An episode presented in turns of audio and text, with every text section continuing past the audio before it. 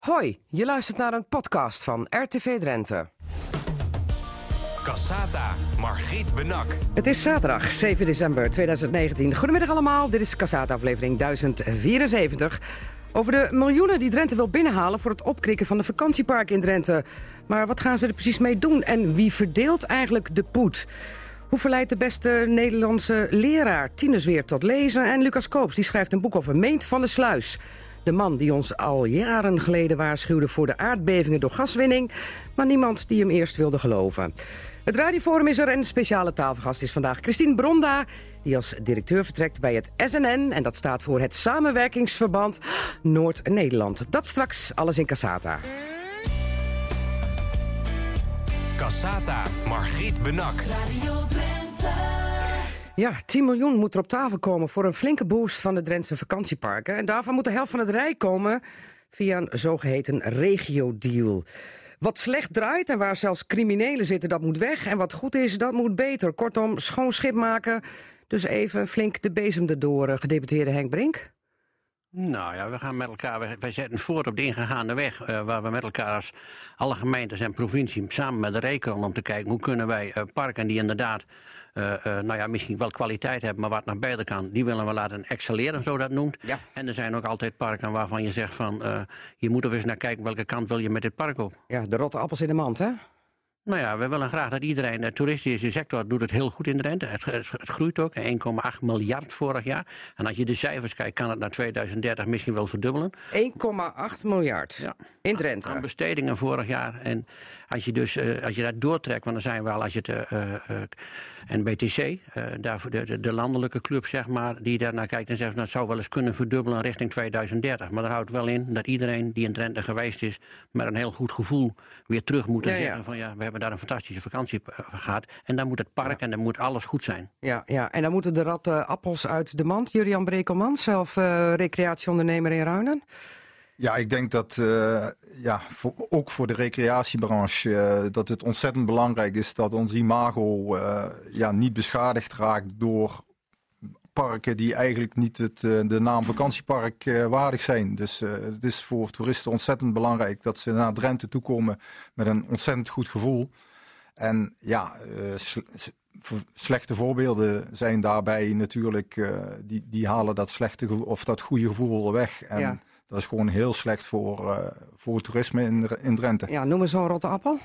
Ja, wij gaan. eh, we hadden het Moet net ik, over. moet ik het dan echt zelf zeggen? U mag het zelf zeggen, want wij zijn, Recron is de vertegenwoordiging van, van de recreatieondernemers, van de echte, zou ik bijna willen Ja. zeggen, recreatieondernemers. Dus wij, de, degene die, die rotte appels, die zijn over het algemeen geen lid van Recron. Dus eh, wij, Ja.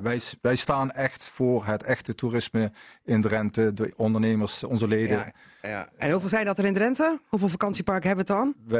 Ik zal u eerlijk zeggen, ik ben een vervangend eh, als ondernemer heb ik niet alle statistieken. eh, Nou, maar weet we hebben wel, ik denk dat wij ongeveer 70% van Ja. de parken vertegenwoordigen in Drenthe. Ja, en hoeveel parken eh, zijn betrokken bij dit project, Henk Brink? Nou, ooit uit toen uw we begonnen zijn met ons, het eerste project Vitale Vakantieparken, de regio-deal is daar aansluitend op. Ja. Toen hebben we 200 parken onderzocht. Nou, ze zullen het misschien niet allemaal meegedaan hebben, maar laten er tussen de 200 250 parken in, Nederland, in, in Drenthe zijn. Oké, goed. Straks praten we uitgebreid verder. Toch ook over die rotte appels die uit het mandje moeten worden gevist. Want daar gaat toch wel heel veel over eh, als het gaat om die regio-deal. Want jullie willen vooral die onderkant oplossen. Eh, hoe jullie dat gaan doen, dat, eh, dat horen we straks. En ook heel belangrijk, mocht dat geld er komen... wie verdeelt dan de, de poet? Waar gaat het geld allemaal heen? Ik zie al, ik zie al een brede grijns. Altijd niet. Ja, ja. Want als we dan toch over het verdelen van de poet hebben. onze speciale tafelgasten vandaag weet alles van het verdelen van de poet. Zij heet Christine Bronda. Ze is directeur van het SNN, het Samenwerkingsverband Noord-Nederland. Want zij vertrekt over een maand bij het eh, SNN. En dan zeg ik meteen, u zit er nog geen jaar. Nee, dat klopt. 1 maart begonnen. Ja, Is zo beroerd daar bij het SNN. integendeel. Nee, dat heeft alles met mezelf te maken en met de gelegenheid die zich voordeed. Want ik ben echt eh, eh, met ontzettend veel goede moed eh, naar het noorden gekomen weer. Hè, want ik, ik ben geboren in Groningen. Ik heb Ja. altijd in huis aangehouden. Terug in het noorden en in Terug in Den Haag als noorden. topambtenaar gewerkt, hè? Ja, de- in Den Haag heb ik vier jaar gewerkt bij het ministerie van Sociale Zaken. En daarvoor een jaar of acht in Amsterdam. Ja, Dus ik heb veel in het westen gewerkt. Maar het noorden is natuurlijk waar het hart ligt. ja veel Maar, mooier. eh, nou ja, zeker. ja, goed zo. Nou, hartstikke mooie plek eh, bij het SNN. En eh, dat is echt een hartstikke mooie club. En ik zou dat ook nooit hebben verlaten, waren het niet dat zich deze functie voordeed. Want deze functie is? Gemeentesecretaris van de stad Groningen. Ja. En, ja. Dat, dat stond altijd nog op het wensenlijstje van Christine. Nou, nee, zo werkt dat niet. En we, eh, maar de dingen komen voorbij. eh, en eh, ik heb ook in eerste instantie helemaal niet gesolliciteerd. Maar toen begon er toch een beetje druk te ontstaan. Van, is dat niet wat voor jou? Kijk er toch nog eens naar en enzovoort. Want u had er ooit gewerkt, hè? Bij de gemeente Ja, Groningen ook. dat was in 1983 hoor. Ja, nou ja. Dus, de Weer eerste terug- weer naar het begin, ja, zeker. De eerste baan, ja, de eerste baan in drie, van 83 tot 88 en nu weer terug. En er zit een tijdje tussen hoor. ja. Dus eh, met een beetje geluk ga ik mijn 50-jarige, ik kijk even Henk Brink aan. Ik, ik ben al 61, dus straks 50 jaar dienstverband uiteindelijk Ja. hoop ik mee te maken bij de overheid. Maar wat dan het leuke is, is dan dat u begint in Groningen ooit. En u komt terug en u eindigt dan in Ja. Groningen. Als het goed gaat, hè? die- Is de oh. bedoeling. Precies, en dat weet ik nog niet, hè? maar daar ga ik wel even vanuit. Maar die, die, die, die cirkel is rond. Maar eh, ik vond het wel eh, heel vervelend dat ik maar zo weinig eh, ja, bij het SNN heb kunnen zijn en ervoor kunnen, heb, kunnen betekenen. Maar in mijn nieuwe functie maak ik wel deel uit van een onderdeel van het SNN. Dat is namelijk de S7. Dat zijn de zeven secretarissen die ook regelmatig bij elkaar komen om ambtelijk, hè, dus van de drie provincies en de vier steden, Groningen, Leeuwarden, Emmen en Assen. En die, die S7 eh, die gaat ook kijken wat wij voor het noorden kunnen Ja, betekenen. ja, maar dan zit u daar toch vooral in de functie van gemeentesecretaris van Groningen. En Ja. dan probeert u toch alles naar Groningen te harken, Oh, niet waar? nee, hoor. Oh, zo werkt dat niet hoor. Nee? nee Oh, ik, nou. nou, ik mag rusten. Ik ben een Noorderling. Ik ben ook half Drents. Hè? Oh ja? Ja, En zeker. hoe komt u zo half Mijn- Drents? Mijn, moeder, mijn moeder is echt Drentie. Ja? ja. Waar komt ze weg? ja, ze, uit, nou, geboren in Borger. Maar eh, mijn familie zit in de monden. Dus Draunamond. Oké, de kolonies, de In veenkoloniën. de kolonies. Oké, Ja. dus eh, eh, Christine Bronda gaat dan niet eh, vanuit de Groninger-visie kijken, maar die denkt noordelijk. Maar had u niet het idee, eh, toen die functie voorbij kwam, eh, waar u niet dan op solliciteerde zelf, maar waar u werd Nou, ik heb wel aangedrongen te uiteindelijk wel gesolliciteerd. Jawel, maar waar, hè, u werd een beetje in de richting geduwd. Heeft u nog wel gedacht, kan ik dit wel maken Ja, binnen een jaar weg? Nee, maar dat bedoel ik dus. Dus in eerste instantie heb ik daar ook wat, eh, nou ja, voor mezelf, ik dacht van, moet ik dat nou wel doen enzovoort. Dus ik heb het niet onmiddellijk gedaan. Eh, maar toen ging die vacature, eh, werd, de periode werd een beetje verlengd. En toen dacht ik, ja, ik moet het toch maar doen. Want ik ben, die, dat, ik komt niet nog een keer langs. Hè? Nee, nee, nee. En Dus op uw mag toch- 61ste dacht u, Ja. nu moet ik het pakken. En dan weet je nog niet of je het wordt, hè?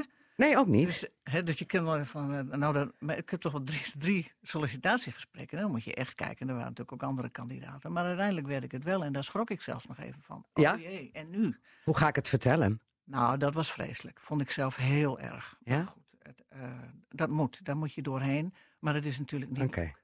Maar goed, het is gebeurd. U gaat Ja. weg. Eh, wat is het officiële afscheidsmoment voor Christine Bronda bij het SNN? Wij gaan een kerstborrel houden eh, de 13e. Is dat vrijdag de 13e? Ik geloof het wel. Dat is ook weer wat bijzonder. Maar vrijdag de 13e gaan wij een kerstborrel houden. En op dat moment eh, neem ik ook afscheid. Ja, dan is het Dus dag dan, eh, SNN en hallo Groningen, Nou, hier oh, ben ik. Ja, eigenlijk wel. Maar het is, de boodschap is ook, eh, ik blijf jullie ambassadeur. Vanuit de secretarisfunctie, maar ook gewoon vanuit mezelf. Even, straks gaan we uitgebreid verder praten. Het leuke is misschien wel ehm, dat er een vrouwelijke opvolger komt... in de persoon van Marjan Dol, die nu nog directeur bij de Meldkamer Noord-Nederland is. In hoeverre doet het nou Christine Bronda deugd dat het weer een vrouw is geworden? Nou, kijk, daar- er is nu veel gedoe over het vrouwenquotum. Ja, ik- Nou, daarom. Daar, daar vind ik wel wat van. Eh, ik heb nog volgens mij nog nooit een quotum meegemaakt die werkt. Dus ik, daar heb ik het zelf niet zo... Ik hoop dat Marjan ook weet dat zij is aangenomen om haar kwaliteit... niet omdat ze vrouw is. Maar we hebben het er alweer over... Om, vanwege dat vrouwenquotum nu. Van, is het Ja. wel geworden omdat ze goed is... of Nou, is ze dat nou geworden omdat ze vrouw is? je, ik vind dat je je dat niet moet afvragen. Dus ik ben ervan overtuigd, ook omdat meneer Henk Brink in de sollicitatiecommissie zat, ik ben Oh. ervan overtuigd dat zij is aangenomen omdat ze de beste was. Oké. Nou, dan- Volmondig, volmondig ja. Want je Volmondig kijkt naar ja. Volmondig ja. Ja, ja, ja. Goed. En we gaan straks, eh, Christine Bronna, verder praten Ja. over het SNN. Want het is voor veel mensen toch een onbekend orgaan. Het Samenwerkingsverband Ja. Noord-Nederland klinkt ook niet heel erg sexy. Maar er gaat heel veel geld in om. Ja. Want jullie verdelen geld daar. Zeker. En dat geld komt uit Europa. Hoe jullie dat doen, waar jullie geld aan verdelen... met hoeveel medewerkers jullie daar eigenlijk eh, op studeren... wie wat krijgt en waarom, en wat ook wel eens mislukt... daar gaan we het uitgebreid verder over praten. En misschien is er bij het SNN wel geld te halen, Henk Brink... ook voor die regio-deal, voor die vakantieparken... Nou zit, ja, zit daar nog geld in, Dat denk Europees? ik niet. eh, eh, ik, ik zit nog in het dagelijk bestuur van Ja. het SNN. Dus we krijgen redelijk goed mee vanuit de gedeputeerde EZ hoe, de- hoe het geld verdeeld wordt. Maar voor de regio-deel zie ik op dit moment geen kansen om vanuit de huidige middelen. en de huidige middelen ook toe zijn gedeeld waar je ze ook kunt gebruiken. om die te kunnen gebruiken voor vitale vakantieparken. Is er in Europa geen geld voor te halen dan? Dat geld wat in SNN zit, komt uit Europa. Ja, dat weet ik. Maar is, is, is er dan toch niet op een andere manier buiten die regio-deal om geen geld voor te halen? Is Nee, Europa ik- daar ik- niet mee bezig? Want nee. het is vitaal platteland, vitale vakantieparken. Ja, als je een rekbaar begrip hebt, misschien uit de pop gelden, maar dan, nogmaals, ik vind het dan wel heel rekbaar. En, en daar heb ik iets minder zicht op. Maar als ik even naar gelden kijk die voor economie beschikbaar zijn, de EFRO en de ESF gelden en dat soort zaken, dan denk ik niet dat eh, vitale vakantieparken daarvoor in aanmerking komen. Oké, het was Ook meer in het de nieuwe waard. begrotingsperiode die eraan zit te komen, want daar maken we ons eh, heel erg druk over om te kijken wat krijgen we weer voor de komende zeven jaar. Eh, verwacht ik niet dat vitale vakantieparken een onderdeel is van zeg maar uit die economische gelden. Oké, we gaan nu even naar het project eh, van jullie waar jullie een eh, verzoek voor hebben ingediend eh, voor de regio-deals. Hoe groot is de kans, Henk Brink, dat jullie dat geld krijgen voor die vakantieparken? 10 miljoen, waarvan de helft dus van het Rijk moet komen? Ja, dat weet je nooit. Eén ding wat ik wel weet is, eh, we hebben hem vorig jaar, want toen hebben we ook een regio-deal ingedeeld, Zuidoost-Drenthe. En samen met Groningen en Friesland nog een na- natuurintensieve regio-deal. Toen hadden we deze al een beetje wat voorbereid, maar het ging misschien te snel. Toen waren we er niet bij. Ik weet nu wel dat een aantal ministeries wel enthousiast zijn. Uh, over wat we ingediend hebben. En ik weet ook dat de ministeries enthousiast zijn over, waar ik al zei, we, hebben al een, uh, we zijn al bezig met vitale vakantieparken. Ja, maar er liggen ook al miljoenen voor, hè? Bijna We 8 hebben, miljoen, uh, toch? uh, ja, in het, in, het, in het huidige traject wat we nu lopen samen met de Recron, maar vooral met die 12 gemeenten. We hebben alle 12 gemeenten doen eraan mee. Daar zit pakweg een, een 6, 6 miljoen aan geld in. Maar als je de uren meerekent die vooral de gemeentes erin stoppen, want die doen echt heel actief mee. Dan denk ik wel dat je tot op een 9 miljoen komt die dus in de huidige vitale vakantieparken pot zit. Ja, want uh, Jurian Brekelmans, uh, u bent zelf uh, eigenaar van het vakantiepark in Ruinen. Dat heet Camping Club Ruinen, als ik het goed heb. Landclub Ruinen. La sorry, Landclub Ruinen. Um, gaat uw bedrijf daar nu ook van profiteren, mocht het geld daar vandaan komen, van het Rijk? Ik denk, en dat is heel duidelijk de bedoeling van de provincie en de gemeente, is om de recreatiebranche op een hoger niveau te krijgen in de Ja. rente. En uh, dat is ook heel nodig, want uh, de gasten worden echt in een heel hoog tempo steeds veel eisender. En uh, daar gaan, als het goed is, alle parken van alle echte, wat ik steeds echte recreatieparken noem, van profiteren. Ja, en u bent ook een echt recreatiepark, En hè? wij scharen ons ook in die, uh, in die rij, ja. ja. Ja, ja. Wat, vertel even, Landclub Ruinen. Um, wat is dat precies voor de mensen Uh, die het niet kennen? Want het was vroeger Camping Engeland. Ja, Landclub Ruinen was vroeger uh, een, een van de oudste campings van Drenthe.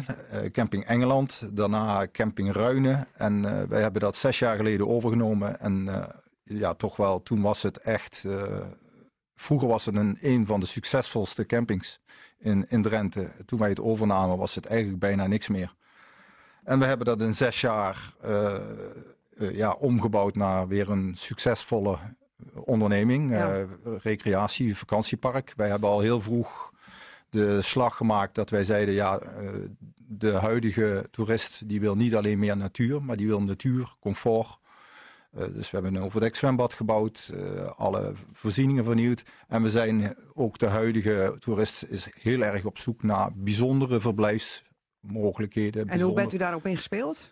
En wij zijn daarop ingespeeld. Uh, we hebben, nou een heel leuk voorbeeld, we hebben safari-tenten waar je heel comfortabel in de winter in kunt kamperen. Van die instapklare tenten, hè? Instap, Hoef je niks voor te doen. Daar zit badkamer in, gezellig. Uh, met kerst en oud en nieuw zijn ze allemaal volgeboekt. De mensen gaan de tent in en lekker houtvuurtje voor de tent. En binnen is het aangenaam warm, want ze zijn gewoon helemaal goed geïsoleerd. Maar het geeft toch echt een kampeergevoel. Ja. die eh, mensen zoeken bijzondere dingen. Ja. We hebben ook, eh, misschien komt het later nog meegedaan aan het Bomut XXL eerste Ja. traject. Eh, dus ook een fantastische... Dat heeft geleid tot een bijzondere boomhut, want er zit zelfs een hot tub in. Daar zit een hot tub in. eh, fantastisch. eh, ja. eh, en dat was ook een heel leuk traject met de collega's om, om dat samen. Dat snap ik. Maar is het dan nog niet goed genoeg? En kan het dan nog beter? Omdat u hè, tot die topbedrijven behoort die misschien nog moeten accelereren, om het eh, dure woord van Henk Brink even te gebruiken? Nou, zoals ik net zeg, van, eh, de, gasten worden steeds veel eisender. En eh, de rente, en wij zijn als Recron toch iets minder positief over de staat van de branche. De rente heeft daar nog wel een slag te maken, denk ik. Ja, want gemiddeld 42, gezien. 42 is uit een onderzoek eh, gebleken vorig jaar al.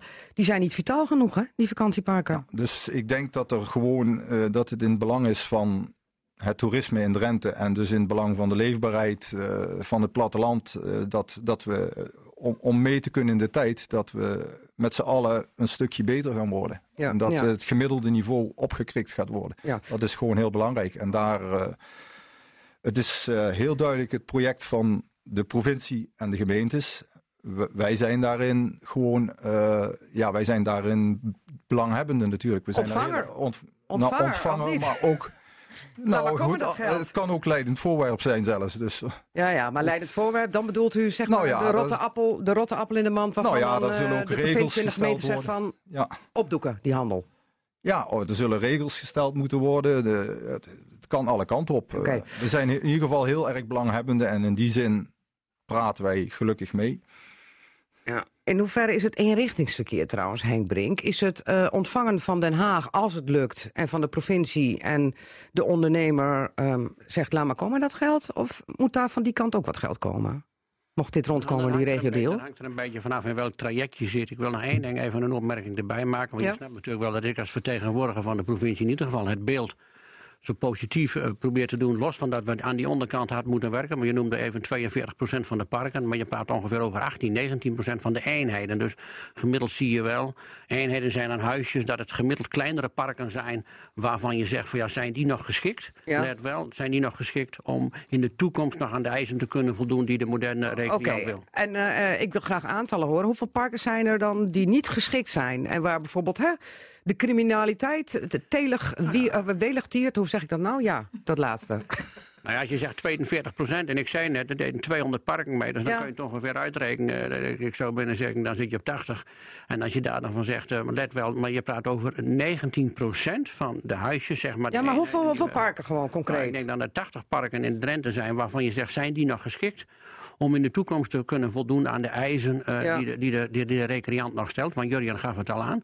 De, de, de, de wensen van de klant veranderen. Het moet Ja. avontuurlijk zijn. Het moet vooral kwalitatief goed zijn. Maar er moet ook heel veel luxe zijn tegenwoordig. Wat je Ja. er ook van vindt. Maar dat wordt wel geëist. Ja, maar eh, je, je gaat me niet vertellen, Henk Brink, dat je eh, in, in 80 van die parken de bulldozer zet. Nee. Dat is toch maar een klein deel? Maar dat heb ik ook eh, eh, nog niet Nee, voor de gezegd duidelijkheid. Dat ze misschien niet meer voldoen aan de wensen die je nog zou willen eh, Ja. voor die moderne recreant. Een aantal parken, daar speelt misschien, dat noemen we dan ondermijning en dat zou criminaal, criminaliteit kunnen zijn.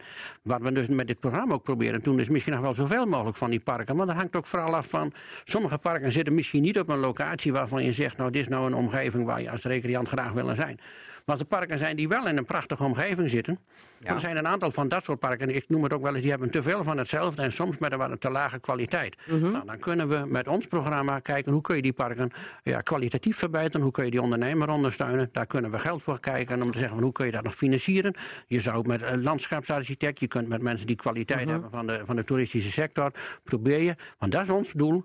Ons doel is om zoveel mogelijk parken kwalitatief goed te hebben. Maar goed, om het even concreet te maken, het gaat mij erom. Je hebt natuurlijk een paar van die parken die echt onderaan, onderaan de onderkant staan hè, van Ja. kwaliteit. Ja. En waarvan je je mag afvragen van, is het wel zo goed als die blijven bestaan als we daar heel veel geld in pompen? Want het is niks en het wordt nooit wat.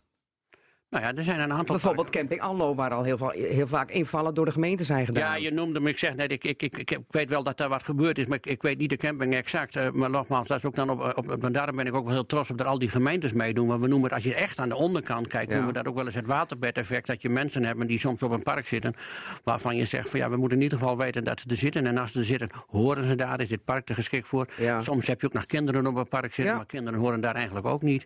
Nou, dat is met elkaar wat je in beeld wilt hebben. En dan moet je juist aan die onderkant, daar willen we wel extra aandacht op doen. En als het het waterbedeffect is, moet je niet zeggen, maar we halen ze van het ene park af en in een gemeente verderop komen ze Ja, want ze moeten toch ergens blijven. Ja, maar daarom Ja. hebben we in, waar we ook mee bezig zijn in vitale vakantieparken, dat je zegt van eigenlijk zou je ook een aantal plaatsen moeten hebben waar je toch mensen. Eh, eh, eh, want we willen natuurlijk wel benetten en een goede manier doen. Mhm. Dus je moet misschien wel een aantal plaatsen hebben waarvan je zegt van nou daar kunnen ze dan wel terecht. Maar dan weet je ook dat ze er zitten en dan, dan heb je ze ook in een omgeving waarvan je zegt van nou dan hebben we met elkaar, ik noem het maar toch een gewoon een normale woonomgeving. Ja, dus dan stop je eigenlijk die mensen bij elkaar. Dan, dan zoek je een paar Ja, plekken je, van die je- parken. Je, zou, je zou een park die er eventueel geschikt voor is, maar dat kan ook een woonwijk zijn. Dat je zegt van als mensen nou in een ander park zeggen van eigenlijk hoor je hier niet. Dat je zegt van nou we hebben wel een plek waar je wel naartoe kunt. En eh, dan heb je het in ieder geval in beeld. Want ik denk het belangrijkste is, waar we we wel gemerkt hebben, is dat je soms altijd niet exact weet eh, eh, wat er gebeurt, wie er woont, kinderen, noem maar op. Ja. Nou is het zo, eh, je, je kunt eigenlijk eh, denken van... Goh, eh Jurian Brekelmans, u bent goed bezig geweest. Hè? Een beetje vernieuwd de afgelopen zes jaar toen u daar instapte. Zou je kunnen zeggen dat de recreatieondernemers... Die, hebben, die het een beetje hebben laten lopen... straks mooi beloond worden met geld van de provincie en het Rijk? Is daar de Recron bang voor? Want dat geluid heb ik wel eens gehoord. Gaat het Nee. met die regio gebeuren? Nee, ik denk de Recon en ik denk al onze leden staan, zijn heel erg bewust van dat we er allemaal baat bij hebben dat de gemiddelde kwaliteit van onze parken omhoog gaat, zodat we klaar zijn voor de toekomst om die gast, die steeds veel eisendere gast in de toekomst te kunnen ontvangen. Ja, dat snap ik. Maar u heeft, u, heeft heel veel geïnvesteerd. Stel dat eh, de buurman ergens verderop in Ruinen er niet zoveel aan heeft gedaan. En dan zegt Henk Brink van... eh goh, Jurien Brekelmans, fijn bezig geweest. Mooi jongen, ga zo door. We gaan de buurman even flink financieren... dat we die er ook even een beetje bovenop trekken. Ja, ten eerste denk ik dat het niet zo zal gaan, maar ik, dat weet ik niet. Maar eh, daarnaast is het gewoon. Die eh, vrees is er niet. die, die vrees is er niet. Eh, we moeten met z'n allen beter worden. Ja. Er is echt nog een stap te maken in Drenthe. Eh, Ja, nogmaals, Henk zegt, eh, toerisme in Drenthe gaat heel goed. Ja, het gaat best goed. Ja. Eén op de tien mensen werkt in die branche of profiteert ervan. Maar er zijn toch ook nog steeds een heleboel parken die, eh, waar echt wat moet gebeuren. Ik denk dat we met z'n allen nog een flinke stap moeten maken om klaar te zijn voor de toekomst. Henk Brink die zat net als gedeputeerde heel erg nee te schudden van... Hè, de, de ene die al heel erg goed heeft, zijn best heeft gedaan, die wordt niet beloond. En diegene die dacht van nou, ik laat het lekker op zijn beloop, die ontvangt makkelijk. Zo gaat het niet, Henk Brink? Nee, nee, ik denk, eh, maar, maar goed, Jurien zit zelf ook in de stuurgroep. Eh, eh, eh, net als een aantal wethouders namens de gemeentes. Ja.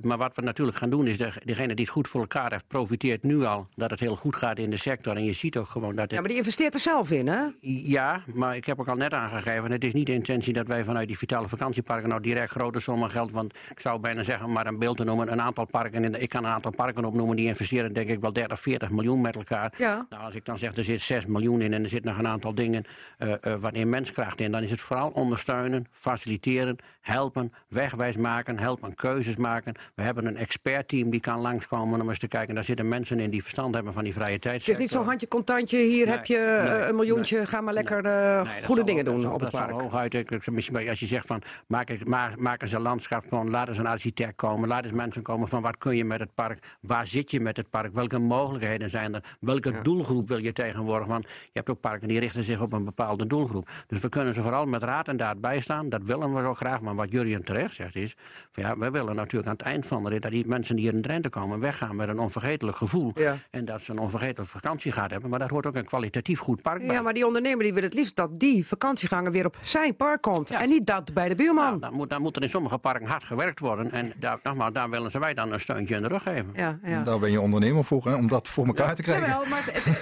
je zou het dan ook, eh, hè, ze hebben het dan altijd over gelijk speelveld. Als de ene ondernemer wel zijn stinkende best doet om bij de tijd te blijven en, en, en de doelgroep alles te bieden wat ze maar willen. En die ander die denkt van ik, ik laat het even sloffen. Dan zou het niet eerlijk zijn dat die daar straks alle hulp Ga krijgt. er maar vanuit dat die parken die, eh, eh, eh, zeg maar, en, en die er dan uitkwamen, die niet vitaal zijn en die niet helemaal aan de onderkant zitten, waarvan je zegt van nou zijn ze überhaupt nog wel geschikt om ze beter te maken, dat het nog hartstikke lastig en moeilijk is voor een ondernemer als je een achterstand hebt. Hè. Ik zou mensen zeggen, pak het maar in fietsen. Je hebt een aantal mensen die zitten in de kopgroep en je zit een groep in de peloton. Ja. Maar als je achter in het peloton hangt, dan moet je extra hard fietsen om weer voor in de groep te komen. En dat zie je dus met die parken ook. En het enige wat wij willen doen met onze vitale vakantieparken is wel ze te helpen om eigenlijk weer in die kopgroep te komen, want dat willen we graag. Hoeveel parken raken we kwijt eh, met dit project, Henk Brink? Nou, ik heb geen idee. Waar, ga- waar gaat de Nou, bulldozer is, in? nee, maar dat, nou, de bulldozer is, eh, is, is een groot woord. Maar misschien dat er een aantal zijn waarvan je zegt van ja, hier moet dan misschien gewoon weer een natuurbestemming of een andere bestemming van Ja, maar maken. hoeveel, hoeveel groot is dat aantal? Ja, weet ik niet. Ik heb, la- laten we kijken. En Volgens mij, heel veel parken zullen denk ik ook waarschijnlijk wel blijven. Maar we kennen natuurlijk ook nog de problematiek van permanente bewoning. Juist. Daar zijn ook een heel aantal gemeentes mee aan de slag. Dus misschien zullen er een aantal parken zijn die straks geen recreatiepark meer zijn, maar misschien wel een woonbestemming. Voor de zogenaamde flexibele schil voor mensen die ergens moeten wonen Ja, als ze in scheiding kunnen, liggen. Of, eh, kunnen, tegenwoordig of verbrugging van afwachting nieuw huis. Ar- arbeidsmigranten die eh, een plek moeten hebben waar je met Poolse arbeiders bijvoorbeeld. Het zou in Polen kunnen zijn. Ja, ja. Ehm, wanneer weten we of eh, dat geld vanuit Den Haag komt en dat er dan 10 miljoen eh, uit die regio-deal eh, op de plank ligt eh, voor eh, die vitale vakantieparken? Nou ja, het is eh, voor december ingediend. En eh, volgens mij horen we in januari eh, of de ministeries, want het gaat- over Ja. verschillende ministeries. Alleen het ministerie van Landbouw, eh, die eh, Carole Schouten, eh, die, die gaat erover. Ik ga ervan uit dat we in januari horen of in aanmerking komen. Let wel, dan moet het nog verder uitgewerkt worden met de gemeentes die meedoen. Dan moeten we het natuurlijk, het moet ook nog het geld aan onze kant is wel door de colleges en ook door ons college van de provincie eh, toegezegd. Maar de staten moeten er nog iets Ja, van tuurlijk. vinden. En Die moeten er ook nog even een plasje over van vinden. Ja. Ehm, waarom doen er trouwens maar zeven gemeenten mee aan die regio-deal in plaats van twaalf? Nou, volgens mij doen er vier grote gemeentes, eh, Meppel, eh, Emmen, Hogeveen, Assen niet mee. Maar ik pak maar even Assen, volgens mij één vakantiepark, Witte Ja, Zomer. En wat de piekfijn bij ligt. Dus ik kan me voorstellen, als je nou net in, in die regio-deal naar de onderkant kijkt. Naar Assen zeg ik, doe even niet mee. En volgens mij Tinalo, daar hangt nog, die kijkt er nog naar. Maar die andere plattelandsgemeentes Oké. doen wel mee. Ja. En, eh, en is de Recron dan ook nog bereid om ook nog een duit in het zakje te doen? De Recron is een, eh belangenvereniging, een branchevereniging van recreatieondernemers. Eh, en in die zin hebben wij geen fina ja, Nee, dat snap ik wij maar. niet in projecten financieren. U vertegenwoordigt de recreatieondernemers. Is het dan ook wel duidelijk dat de recreatieondernemers zelf ook eh, met geld over de brug moeten komen? Willen ze Natuurlijk. bij de e- tijd zijn? Even, zoals Henk net al aangaf, de, de overheid kan stimuleren, maar uiteindelijk komt het op de ondernemer, op de individuele ondernemers neer om te zorgen dat ze de kansen die er zijn grijpen. En eh, ja, dus primair ligt daar gewoon de verantwoordelijkheid om mooie vakantieparken te maken. Ja. Wanneer is Drenthe weer vitaal als we het hebben over de vakantieparken Jurien Brekelmans?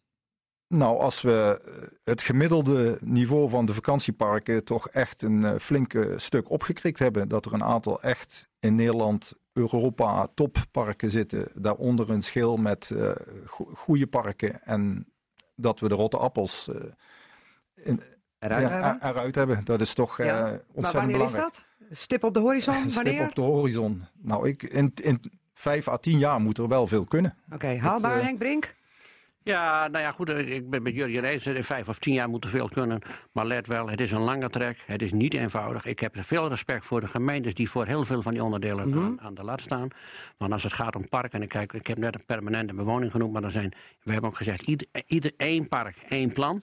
Want je ziet zoveel verschillen. zijn Mhm. parken, een heel park, en die zijn van één eigenaar. Soms zijn ze van honderd eigenaren. Soms is er een vereniging van eigenaren. Ja. Soms is de ene eigenaar van het huisje en de ander Moeilijk, van moeilijk, ondergrond. Ingewikkeld. Uh, Ja, oké. maar maar ik, ik merk wel, we zijn in Drenthe lopen we voorop. De rest van Nederland kijkt ook naar ons. Het ministerie kijkt ook naar ons. En ik hoop dat de regio-deel wordt toegekend. En dan kunnen we opnieuw een impuls geven, ook aan die onderkant. Want ik ben terecht met jullie ineens. Ik zou bijna zeggen, je zult een huis huren op een park waar allerlei problematiek heerst. Dan heb ik niet het gevoel dat je straks met warme gedachten terugdenkt aan Drenthe. En dan kom je niet meer terug. Dat zou kunnen. Of je pakt een ander park. Of je pakt wel een heel mooi park die er echt zijn. Ja, ja. Ja. Even laatste vraag. Wat als die regio-deal niet doorgaat? gaan we gewoon verder met ons eigen uh, uh, Vitale vakantieparkenproject. En dan duurt het gewoon wat langer? en dan zal het wat langer duren en dan gaan we kijken. Maar ik, ik, heb, nou, ik ben vol vertrouwen. Oké. Ja. Henk Brink, gedeputeerde um, vrije tijdseconomie, moet ik dat dan met een mooi woord zeggen. En Julian Brekelmans van Landclub Ruinen en vertegenwoordiger van de Recron in de stuurgroep van Vitale Vakantieparken. Dank! En ik zou zeggen, werk aan de winkel. Cassata. Ja, vroeger mocht ik als meisje heel graag even wegduiken in een boek. Lekker lezen. Maar het is tegenwoordig beroerd gesteld met de leesvaardigheid onder de tieners. Zo bleek deze week uit een onderzoek. Bijna een kwart leest niet goed genoeg om teksten goed te begrijpen. En dat komt omdat ze tegenwoordig veel te weinig boeken lezen. Want ze vinden er, plat gezegd, geen bal aan. En uh, dat doet best zeer, denk ik, dan bij de beste Nederlandse leraar van het jaar. En dat blijft hij voor eeuwig, Matthijs Lips uh, uit Diever. Docent aan het Dr. Nassau College in Bijlen. Want ik denk dat, het, uh, dat, dat jou dat wel pijn doet, dit te horen. Ja, het, het, doet wel pijn, maar het verbaast me eigenlijk niet. Nee, jij wist het al wel. Ik wist al wel dat er wat gaande was. Ja. Want onder jouw leerlingen merk je dat ook wel? Nou, ik merk wel dat, um, dat ik, ik zit nu acht jaar in het onderwijs... dat er wel iets verandert in het uh, leesplezier van leerlingen. Ja. ja, en hoe komt dat dan? Ja, ik, ik heb de resultaten en de grafieken ook even bekeken. Wat dan opvalt is dat er echt een knik ontstaat vanaf 2015, of 2012 eigenlijk. En volgens mij was dat ook de tijd dat... Uh, series op Netflix bekend oh, werden. En, YouTube, ja. iPads en de smartphone natuurlijk die opkomt. Ik denk dat daar wel een verband okay. tussen zit. Goed, wij gaan zo meteen met, met jou als eeuwige Nederlandse leraar van het jaar. Ja. Want, want die titel is, is voor eeuwig nog, begrijp ik net. Ja, dat klopt, ja. Ik Leg ben de uit. laatste beste docent Nederlands van Nederland en Vlaanderen. Uh, ze hebben, daarna hebben ze er iets nieuws van gemaakt. Uh, ze houden nu een uh, weekdagboek houden ze bij van docenten Nederlands. Dus, ja, ja, dus... nou, stop met de verkiezing, ja. Wees blij met ja. de titel. Ja, Je bent het voor eeuwig, de beste het, docent Nederlands. Ja, ja, ja, Nou, wij gaan zo meteen even verder praten, Matthijs, over of jij denkt dat er nog zalf valt te strijken aan dat probleem met lezen. En hoe kun je het um, misschien toch weer opkrikken, het niveau? Misschien boeken maken over games of zo. Misschien helpt dat. Maar eerst even naar Christine Bronda. Zij uh, houdt er binnen een jaar alweer op met uh, het samenwerkingsverband Noord-Nederland, het SNN, waar heel veel geld te halen valt. Uh, Christine Bronda, leg even uit. Wat is nou eigenlijk het samenwerkingsverband Noord-Nederland? Ja. Voor de mensen die onder een steen hebben gelegen. nou, ja, die een tijd, tijdje even niet hebben opgelet. Ja. SNN bestaat al ruim 25 jaar. Ja. Maar het is, een, uh, het is een gemeenschappelijke regeling, heet dat. Dat is een, een, een juridische vorm van samenwerken tussen de overheden in het noorden. En Ja. dat zijn uh, in ieder geval de drie provincies en de vier grootste steden. Ja. Eh, Groningen, Leeuwarden, Assen, Emmen. En die zeven overheden uh, die bundelen elkaar en uh, uh, die zorgen in ieder geval voor bestuurlijke verbinding. En uiteindelijk is het doel dat het noorden nog mooier wordt. Is denk ik wel de mooiste uitdrukking. Het gaat ook e economische versterking van het noorden. En onze woorden zijn eigenlijk, het staat op onze website, dat wij faciliteren en stimuleren en verbinden. En dat zegt eigenlijk ook wel alles. Het is een beetje van con containerbegrippen hoor. Nou, kijk, faciliteren. Ja, faciliteren, dat is, uh, dat is wel heel duidelijk. Dat heeft ook met subsidieverstrekking te maken, een belangrijke uh, functie van het SNN. Die Europese subsidies die moeten worden verdeeld. En uh, die verdeling, als het gaat om economische gelden, maar het kan ook gaan om plattelandsontwikkeling. Maar het kan ook gaan om subsidies die gemeenten verstrekken. De zonnelening bijvoorbeeld, in Drenthe is een mooi voorbeeld, maar ook uh, de waardevermeerderingssubsidie van Groningen naar de uh, Groningers die uh, schade hebben gehad aan hun huis. Dus het zijn allerlei soorten subsidies die verstrekken wij en wij faciliteren daarbij om zo'n subsidie aan te vragen. Want zeker de Europese subsidies, dat is nog niet gemakkelijk. Nee. Maar mag ik het zo zeggen dat jullie meer een doorgeefluik zijn van een heleboel geld? Ja, dat zou maar zo kunnen. We zijn een uitvoeringsorganisatie. Dus ja, ja. het beleid wordt gemaakt bij de overheden. En uh, uiteindelijk voeren wij dat beleid uit. En dat doen we natuurlijk wel met bepaalde kwaliteitsprincipes. Dus zo goed mogelijk en zo snel mogelijk. En ook zo, hè, dus dat, dat het geld ook precies daar komt waar het moet zijn. Daar hebben we hulp bij. En bij de economische subsidies hebben we daar een deskundige commissie voor. En die bekijkt precies waar wat geld terechtkomt. Ja, want je moet dan een heleboel regeltjes voldoen. Wil ja. je even wat geld gaan ophalen bij het ja. SNN? Ja, nou, dat valt, valt wel een beetje mee. En voor ja? particulieren is dat toch wel weer wat anders. Maar wat wij wel horen van veel MKB'ers, dus voor een klein bedrijf, dus kleine zelfstandigen bijvoorbeeld, dat die eh, weet je, die, die eh, hebben niet in hun eh, eh, voorste prioriteit... wij vinden het leuk om formulieren in te vullen. Nee, nee. Dus wij proberen daar zo goed mogelijk bij te helpen. En ook om daar wat voorlichtingsbijeenkomsten voor te houden. En, en, en dat hangt ook een beetje van de subsidie af. Voor de zonnelening hebben we ook een keer een bijeenkomst gehouden. Is goed bezocht. Dus ik denk dat eh, eh, onbekendheid dat dat eh, meer ligt bij particulieren nog af en toe dan dat het bij het, bij het MKB bijvoorbeeld. Want de particulier komt niet zo snel terecht bij het SNN. Nou, de, zoveel subsidies zijn er niet voor particulieren. Die Nee. zijn er wel, maar dan bij de gemeenten zelf. Ja, ja, niet bij het SNN aan kantoor Nee, niet- komen daarvoor. Nou, niet per se. Nee. Hè? Wij zijn meer voor de, ja, dat, is, dat bedoel ik niet oneerbiedig, maar meer voor de bulkgelden. Dus voor grote hoeveelheden. Oké, en- als het en- gaat om particuliere Ja, ja. En hoeveel geld gaat er dan in een jaar zo om daar eh, aan eh, Europees geld eh, wat het SNN gaat verdelen? Kun je dat Nou, zeggen? toch, een paar honderd miljoen. Een paar honderd miljoen. Dus, ja, is geen kattenpis. Nee, dat Nee. het niet. hè. Maar het, het, kijk, de, de subsidies, die, de Europese subsidies, gaat over periodes van zeven jaar. En als je nou kijkt naar eh, periodes van die zeven jaar, dan moet je denken aan eh 200 miljoen voor de plattelandsontwikkeling, 100 miljoen voor de Europese, hè, dus denk, nou 150. In ieder geval, give and take a few. Eh, het, gaat om honderden miljoen. Oké. We gaan straks even eh, praten over concrete projecten. Je hebt net al een paar genoemd over zonnelening. Maar we hebben ook nog wel een paar concrete projecten in Drenthe die tot stand zijn gekomen. Met geld eh, van het SNN. Maar er zijn ook projecten die mislukken. Ondanks geld van het SNN. Ja, wat gebeurt daar dan mee? Ja, dan verdwijnt het geld in de put misschien wel. Maar daar gaan we zo meteen over praten. Wat is jouw laatste boek wat je gelezen hebt, Christine Bronda? Nou, het, eh, dat, ik zei net al in ons voorgesprekje zo te onderling van dat is een beetje moeilijk, want ik ben een slechte lezer momenteel. Dat komt omdat ik zo verschrikkelijk veel moet lezen voor mijn werk. Ja, Maar van, die, van die saaie ja, stukken. misschien wat, wat wel heel leuk is, is dat ik net op de radio eh, hier naartoe, een kleine concurrent door Radio 1, maar dat was Adriaan van Dis en daar was ik vroeger behoorlijk fan van. Mhm. En die heeft net een nieuw gouden boekje geschreven. En als het al gaat om lezen voor kinderen, en dat heet Atje eh, doet heel druk, dus het gaat over ADHD. Mm. En Atje, dat is Adriaan zelf. En dus die schrijft over zichzelf dat hij vroeger een heel druk kind was. En eigenlijk heb ik wel zin om dat gouden boekje te lezen, want dat leek me, dat leek me zo leuk. Oké, eh, misschien is dat wel voor Matthijs eh, Lips een gouden tip. Adje doet een beetje druk. Ja, Ja. ik denk dat dat een, eh, ik denk dat een prachtig boek is. En ik ben ook zeker wel fan van Adriaan van Dis. Eh, Mhm. Maar eh, even naar het onderzoek, want daarvoor zit jij. Ja. Deze week werd bekend dus dat het slecht gesteld is met de leesvaardigheid van onze tieners. Ja. Lekker even een boek lezen is er kennelijk niet meer bij. En daarom eh, kan bijna 25% van de tieners niet goed genoeg lezen om teksten te begrijpen. Ja. En jij zegt zelf, Matthijs, ik viel daar niet van ondersteboven, want ik wist het eigenlijk wel. Nee. En ik ben blij dat het nu eens bevestigd is met een onderzoek. Juist, en dat het ook in de media-aandacht komt. Ik denk, dat, eh, ik denk niet dat, dat jongeren per definitie minder lezen. Alleen dat ze vooral eh, kort en vluchtige teksten eh, lezen. En, ehm, Maar niet het- meer echt een lekker boek. Nou ja, het diepe lezen, dat, dat, dat blijft een beetje achter. En ehm, ik denk dus, wat ik net ook al zei, dat de, smart, de opkomst van de smartphone... maar ook eh, Netflix-series, ehm, eigenlijk die, die wereld, die heeft constant... eh, die, die vraagt jongeren constant om, om hun aandacht. En het boek verliest het gewoon van, eh, ja, van series als eh Handmaid's Tale of eh ja, 13 Reasons Why bijvoorbeeld. Dat zijn allemaal series die eh, ja, jongeren toch wel heel graag kijken. En die ook wel, eh, dat, dat ook fictie is. Ehm, maar het lezen van een boek, dat, eh, ja, dat kostte te veel, te veel moeite, lijkt Ja. wel. Nou ben ik zelf moeder eh, van eh, twee kinderen, tieners, pubers, Hm. Oké. van 12 en 14. Ik heb, tot op het moment lees ik nog voor. Nou, niet meer met mijn 14-jarige zoon, maar wel met mijn 12-jarige dochter. Die baalt ervan als ik dan even geen tijd heb. Ja. Maar overdag zit hij ook eigenlijk weinig maar een boek te lezen. Die zit Ja. met mijn snuffert achter de computer en mijn zoon die zit altijd te gamen. Ja. Dat is het funeste nu voor de tieners. Want dat hadden wij vroeger niet. Tenminste, ik niet in mijn tijd. Nee.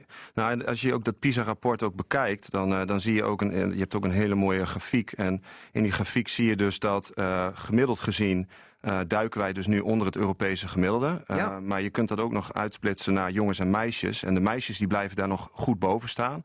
De jongens die, eh, die, ja, die zakken echt enorm onder dat eh, Europese gemiddelde. En ik heb eh, deze week ook aan mijn leerlingen in, in, de klas gevraagd van... joh, wat is hier nou precies aan de hand? En daarin werd ook bevestigd dat, dat A, de boeken hen niet aanspreken... maar ook dat, ja, dat die game-industrie toch ook wel veel aantrekkelijker is. En ja, goed, eh, wat kun je daar dan tegen doen? Een heleboel. Eh, maar je moet er wel met elkaar goed over nadenken, denk ik. Maar, maar zou je niet een gezonde mix... Want ik had ook inderdaad gelezen... boeken moeten meer bij de belevingswereld gaan aansluiten van de tieners. Ja. Eh, eh, wat, wat dacht je dan van een gezonde mix van zo'n spannende Netflix-serie in een boek of een, een, een spannende game verwerken Ja. eh, in een boek? Ik denk, ik denk Is, dat is dat de zalf die je nodig hebt eh, om dat te dat- zorgen dat? Ik denk dat dat wel kan. En, en toevallig deze week op LinkedIn heb ik ook nog een berichtje over dit hele nieuws eh, gepubliceerd. En eh, schrijfster Mario Genova die gaf ook aan dat het laatste boek dat van haar is gepubliceerd, dat daar ook een soort van game bij eh, hoort. Tegelijkertijd denk ik wel van, ja weet je, ik, ik denk dat, dat het ook wel, dat een boek ook nog wel veel meer kan brengen. Alleen dat, dat de taak van de docenten, maar ook van eh, mensen in de bibliotheek, maar ook ouders dat het juist heel belangrijk is om, om hen ook duidelijk te maken dat een boek veel meer kan brengen dan in, in plaats van een game. Kijk, een game Maar gaat om pubers actie. luisteren niet naar ouders, hè? is mijn Nee, ervaring nu heel Nee, pijnlijk. maar ik denk wel dat als je hand in hand samen gaat, dat je wel een heleboel kan. Heel toevallig, ik heb een mooie anekdote. Afgelopen eh, donderdag, eh, dat was dus 5 december, werd ik eh, 's ochtends de klas uitgeroepen. En ehm, eh, belde dus een moeder en die belde mij op en die wilde graag weten wat voor boek moet ik mijn kind geven voor Sinterklaas. Heeft u daar nog adviezen voor? Nou, ik wist toevallig dat zij helemaal fan is van eh, de serie Warrior Cats. Ja, En, eh, mijn nou- dochter ook. En nou bleek dus dat Aaron Hunter, de schrijver, dat daar net een nieuwe serie eh, of een nieuwe serie van uit is gekomen. Dus dan is 1 en 1 wel 2, weet je wel. En dan kan je dus als ouder en, en, en docent kan je wel mooi samenwerken om, om het kind ja, te, aan het lezen te houden. Ja, ja. want eh, er is een leesoffensief nodig, zeggen de onderwijsministers Ingrid van Engelshoven en Arie Slob. Dat is makkelijk gezegd. Ja, dat is heel makkelijk gezegd. Maar waarmee doe je dan dat offensief? Want die boeken die matchen dus niet meer met de belevingswereld van de jeugd van tegenwoordig. Nou, ik denk dat je, dat je jeugd moet laten zien dat, dat, de, dat in een boek eh, heel veel meerwaarde kan, kan zitten. En dat je dus ehm, in, in het eh, onderwijsaanbod, dat je daar goed over na moet denken. Kijk, als jij eh, als docent alleen maar leerlingen een boekverslag laat maken... en elke keer hetzelfde boekverslag laat maken... of een spreekbeurt laat maken dat helemaal niet betekenisvol is... waar je eigenlijk alle informatie heel makkelijk van scholieren.com kan halen... Ja. of eh, elders, dan, dan denk ik Dus dat je de plank mislaat. samenvatting. eh, Ja, en, ja, maar, en dat gebeurt. Dat, gebeurt. dat gebeurde tien jaar geleden. Dat gebeurde in mijn tijd, maar dat gebeurt nu nog steeds. En ik, ik bouw een, een, eh, een curriculum waarin ik eh, leerlingen wel dwing om het boek goed te lezen. Dus het gaat er niet alleen om dat ze lezen, maar ook hoe je een boek leest. En ook wat dat jou kan opleveren. En dan merk je dus, als ze wel de tijd ervoor nemen en investeren, dat ze echt ook zien van jeetje man dat boek dat kan mij ook echt inzicht geven in, in hoe te leven. En ehm, ik denk dat het daar ook om gaat. Ik denk dat een boek ook eh, jouw praktische wijsheid kan meegeven in het leven. Dat we, we leven in een wereld die heel maakbaar is. En, ehm, eh, maar waarin we ook merken dat de, die, die wereld die spreekt ook tegen ons. Klimaatverandering zorgt ervoor dat we anders moeten gaan nadenken. En ik denk dat eh, wat een boek heel mooi kan doen, is jou laten zien dat die wereld niet altijd maakbaar is. En dat het soms ook heel troostrijk kan zijn om, eh, ja, om een boek te lezen. En voor eh, pubers kan het soms heel fijn zijn om ook herkenning te vinden in de verhalen van anderen. Hè. Noem het maar gender bijvoorbeeld. Stel dat jij merkt dat jouw seksualiteit anders is dan wat normaal is. En je kunt daar een boek over lezen. Dan kan dat soms jou ook wel kracht en bevestiging geven in de, de persoon die je bent en die je wilt zijn. En dat is ik, ik probeer leerlingen dat te laten zien. En ik merk gewoon dat als je hen dat laat zien en met ze meedenkt... en met ze in dialoog daarover gaat... ja, dat ze boeken vreten. Ja. maar goed, ik las altijd een boek om een soort fantasiewereld terecht te komen. Ja. Hè? Dat is met Warrior Cats is dat ook zo. Eh, eh, maar die fantasiewereld die heeft ernstige concurrentie van de gamewereld... Waar ook heel veel fantasie bij komt kijken. Ja. En mijn zoon zegt, ja, maar lezen van een boek is saai. En die game, daar ben ik echt bezig. En heb ik contact internationaal met vrienden. Ja. Hij scoort daardoor wel een 9 voor Engels. Zo, ja, ja, ja. Want we praten Engels. Ja, dat klopt. Ja, Het is ja, elk ja. nadeel heeft zijn Ja. voordeel. Ja, dat zeker. Dat is zeker waar. Maar tegelijkertijd is het ook zo dat we dus merken dat het concentratievermogen van leerlingen wel achteruit gaat. En dat ze zijn van de korte termijn Ja. beloningen. En eh, ik, ik denk dat, dat een boek wel echt ook een bijdrage kan leveren aan de verbeeldingskracht van, van mensen.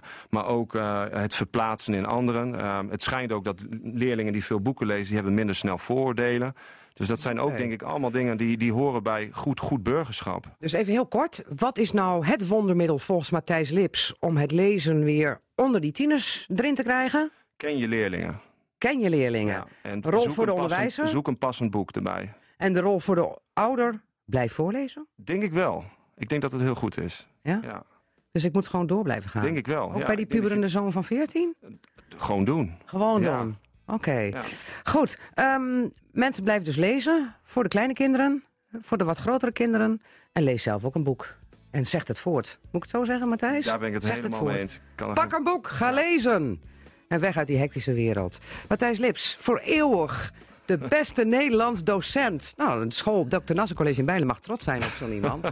Dank dat je er was. Ja, eh, en zometeen het vervolg van Casata. Dus blijf luisteren. Tot zo. Altijd in de buurt. Radio Drenthe. Even naar dat SNN toe, het Samenwerkingsverband Noord-Nederland. We hadden net al in het eerste uur van Casata geconstateerd... dat er honderden miljoenen in omgaan, zo'n beetje. En er is ook eens een keer een onderzoek geweest... dat het SNN heel goed was voor heel veel werkgelegenheid. Althans, al dat geld, daar worden leuke dingen van gedaan. Hoeveel banen heeft dat zo ongeveer het Noord-Nederland al opgeleverd? Enig idee? Geen idee. Nee? Nee, maar er zitten zijn alle projecten, er zijn heel veel projecten met Ja. allemaal verschillende doelstellingen. Maar eh, er zijn ook wel degelijk innovatieve doelstellingen die ook bedoeld zijn om eh, werkgelegenheid te creëren. Ja. ja. En, en vaak is dat natuurlijk een eh, spin-off van eh, als het goed gaat met je bedrijf en je hebt weer mensen daarbij nodig enzovoort. Dus er zijn talloze voorbeelden van, ook wel in Drenthe. Nou, weet je, eigenlijk moet je, zou je op onze site moeten gaan kijken, want wij laten de ondernemers zelf altijd het verhaal doen. Ja, ja. Dus als je eh, op snn.nl kijkt en, je, en dan, dan zie je eh, de ondernemers vertellen hoe zij de, ook de subsidie hebben ontvangen, wat ze ermee hebben gedaan en ook wat het heeft opgeleverd. En Ja. deze periode, zeg maar, ik heb in het vorige half uurtje uitgelegd dat het gaat om lange periodes hè, waarin je die subsidies kunt verstrekken. Het zijn meestal periodes van zeven jaar. Ja. En eh, in zo'n periode, eh, dan kan er natuurlijk een heleboel gebeuren. Maar ehm, eh, wat je ziet is dat je kijkt naar de maatschappelijke impact. En dus dat is voor de nieuwe periode en de huidige periode is dat, dat zeg maar, eh, het moet waarde eh, toebrengen en arbeid is daar eentje van. Ja. En dus je moet echt kijken naar eh, wat is de impact van de subsidie die wij geven aan het midden- en kleinbedrijf, maar ook aan hele grote ondernemingen. En die, die- die subsidies zijn natuurlijk ook hele grote consortia van kennisinstellingen die samenwerken met, met ondernemers en met de overheden. Even kort gezegd, wat is het rendement eigenlijk? Van wat het oplevert? Mag ik dat zo zeggen? Het rendement van, van Ja, banen, ja, aan- dat aan mag- economische spelen? Ja, nou, dat, dat, het begrip maatschappelijke impact, dat, is, dat gaat het eigenlijk om. dat vind ik zo vaag, Ja, maatschappelijke maar dat- impact. Nou, maatschap, maatschappelijk is maatschappij, is mensen, is Ja. burgers. Ja. Dus wat, wat levert het ons op? Dus als je het hebt over werkgelegenheid, dan is dat zoiets. Hè? Nou, want ik heb namelijk even wat teruggezocht. Want ik zag dat wij in vier- 2014 zelf bij RTV Drenthe een bericht hadden. Naar aanleiding van het onderzoek hoor. Dat 4000 mensen kregen in 2014 een baan in het noorden. En dat is dan een onderzoek van het SNN, het Samenwerkingsverband Noord-Nederland. Toen zat u waarschijnlijk nog in Den Haag of Amsterdam. In, eh, in Amsterdam zelfs inderdaad. Ja, ja, dat, dat, Ja. en dat kwam dan door geld Ja. uit Europa, wat door het SNN verdeeld was. Dus dat zijn toch al projecten waardoor je toch het idee hebt van het levert ook banen op. Ja, natuurlijk. Dat is toch weet je, dus? Het is de- eh, toch ook economische Zeker. boost moet het geven?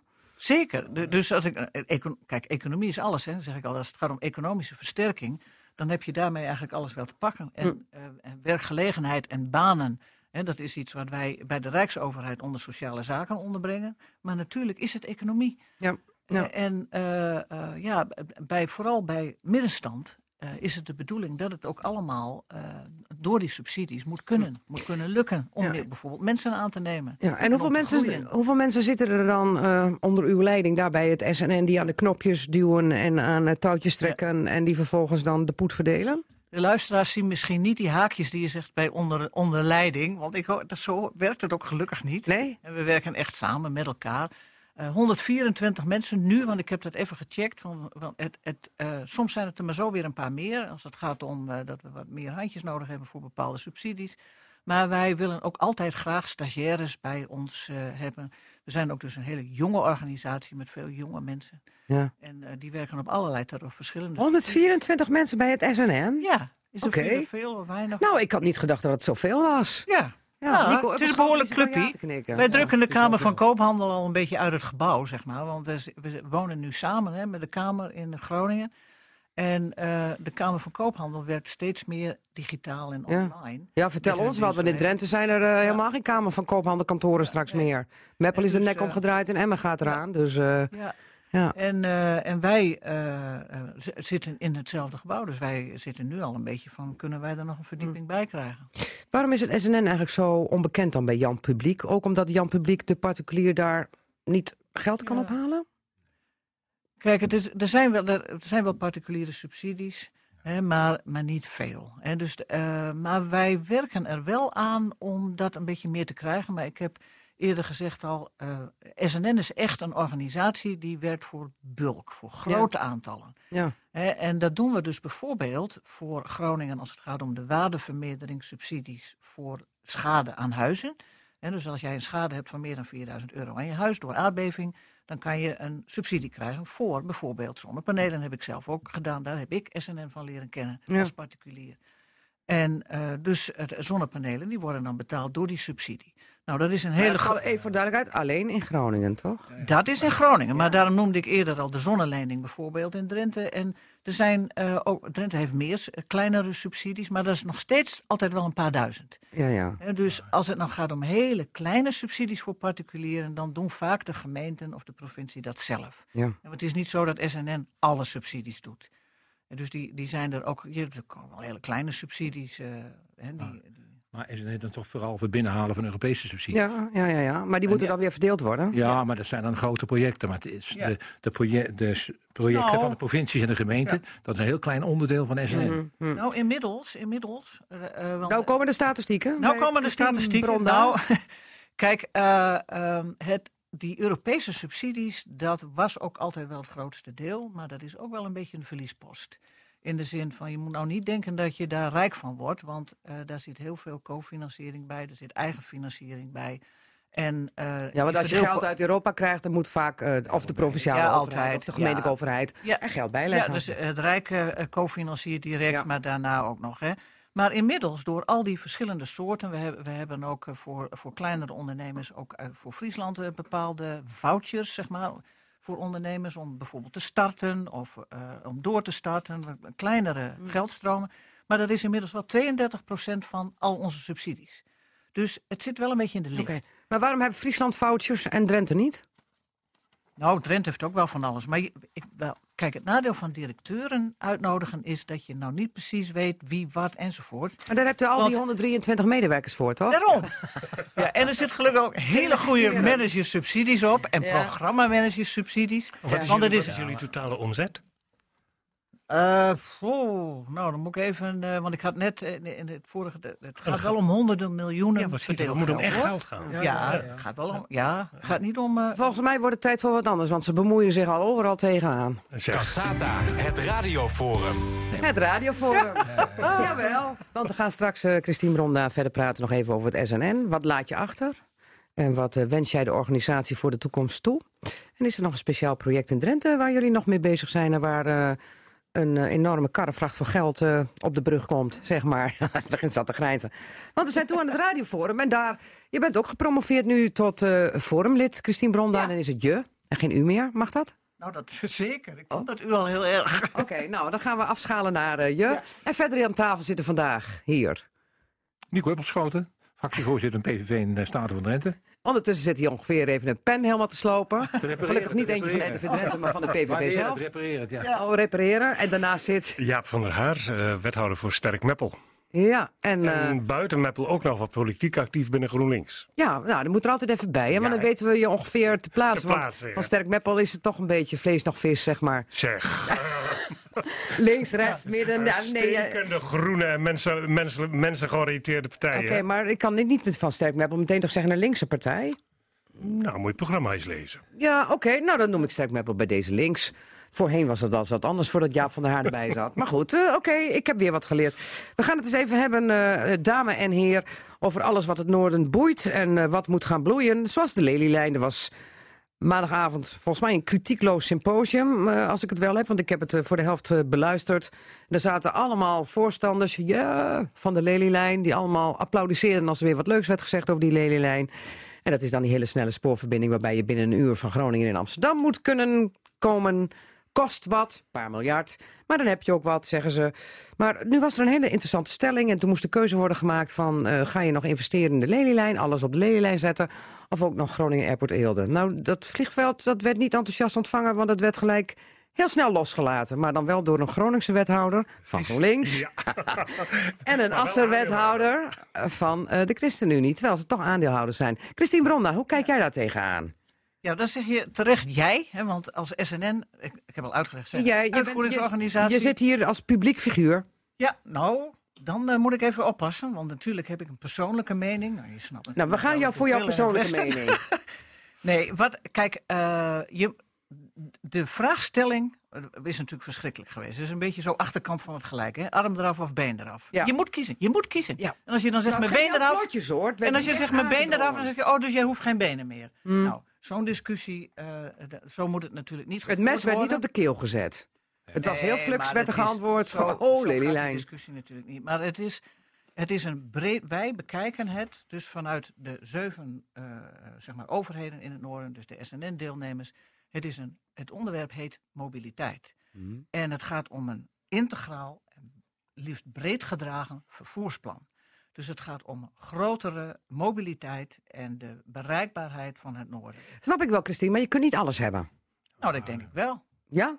Nou, Dus, eh, en de Neder-Saxe lijn waar een onderzoek naar Ja. komt. En de Lelylijn. Nou, die, En sneller over het bestaande spoor. Dank, en vliegveld ja, Eelde. Grote dank voor onze noordelijke Kamerleden die daar volgens mij hartstikke voor hebben gestreden. Om Ja, maar die moeten uiteindelijk ook kiezen. om zo'n, on- nou, dat weet ik niet. Om zo'n onderzoek voor elkaar te krijgen. Mm. Onderzoek naar de haalbaarheid. Ja, maar ik heb dus al de gezegd- Lelylijn is één ding. En dat is nou ook nog die Neder-Saxenlijn. Dat, hè, dat net goed. Dat is hartstikke Helemaal goed. mooi. En het is allebei belangrijk.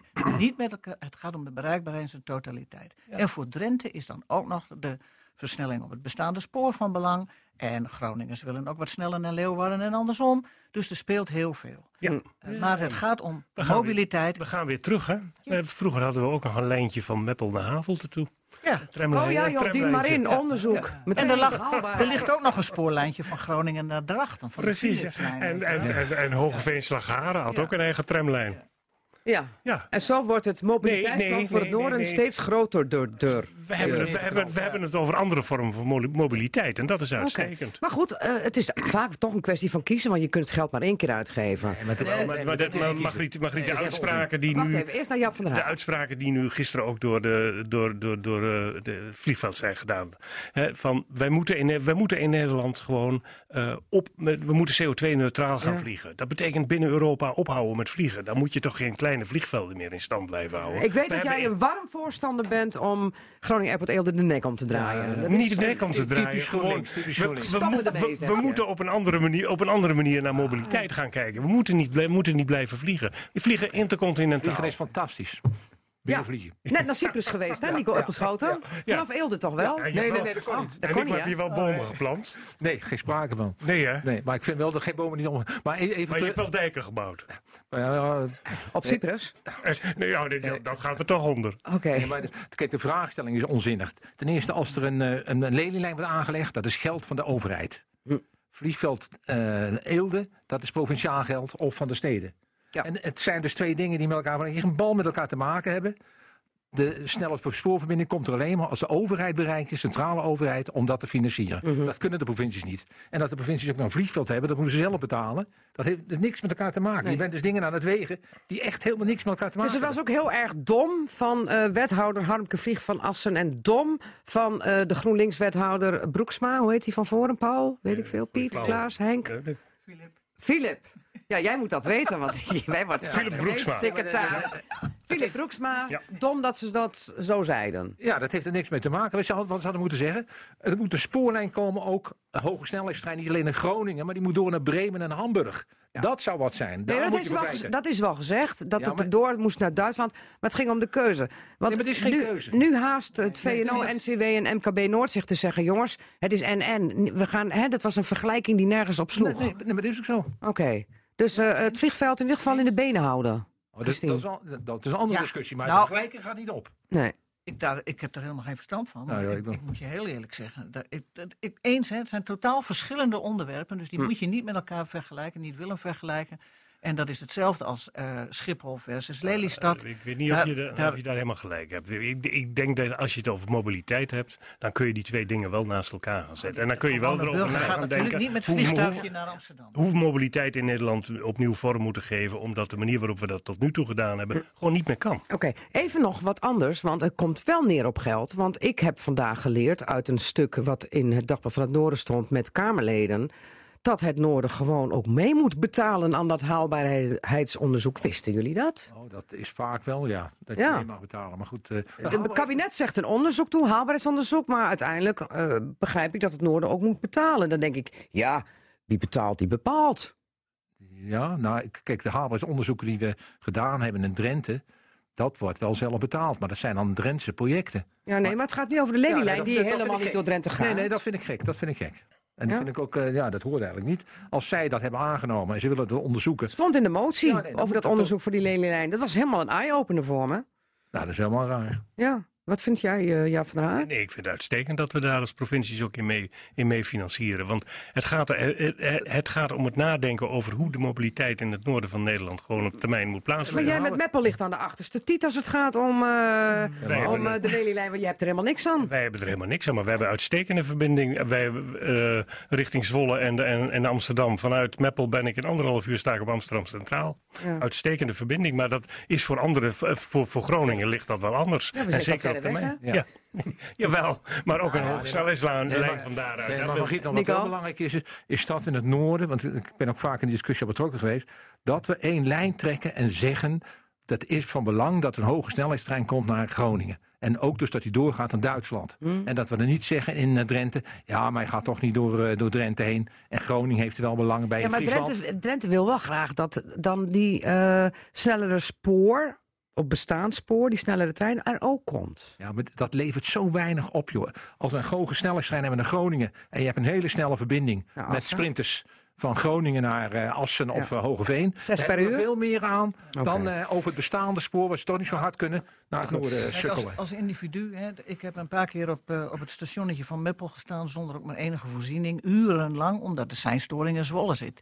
Dus als Zwolle is een- zo'n zo'n vervelend bottleneck, want Mhm. als daar iets gebeurt, dan ligt het hele noorden dus plat. Helemaal eens. Eh, En dat, en dat eh, los je niet op met versnelling op bestaand spoor. Nee, maar als alles goed gaat, hè, dan is het weer wel een goed, een goed alternatief. Ja, wel, maar, Oké. je, maar, maar, maar je hebt vaak op de Veluwe of, het, de, de, Ja, of, of in de polder gebeurt wat. Dan is het heel goed dat je een tweede ja. verbinding hebt. Maar ik heb wel geleerd van Ton Schroor dat als je het eh, huidige spoor eh, wil opwaarderen, dat dat ook miljarden dat kost. Omdat er van alles aan het spoor moet gebeuren. Wil daar een hele snelle trein overheen maar- dus toch- flitsen. Maar gelijk, tegelijkertijd zitten we te kijken naar de verbreding van de A28 eh, richting, richting Duitsland. En dan kun je misschien de- dit geld beter in dit, in dit soort projecten eh, eh, investeren dan dat je dat op die manier doet. Ja, zeker met het stikstofverhaal nu. hè, Ja, want dat daar gaan we nu even mee aan de slag Oh. met het stikstofverhaal. Ja, maar in, in- kijk, in de Staten hadden we er ook altijd discussie over de N34. Dat de Ja. twee grootste steden van het noorden...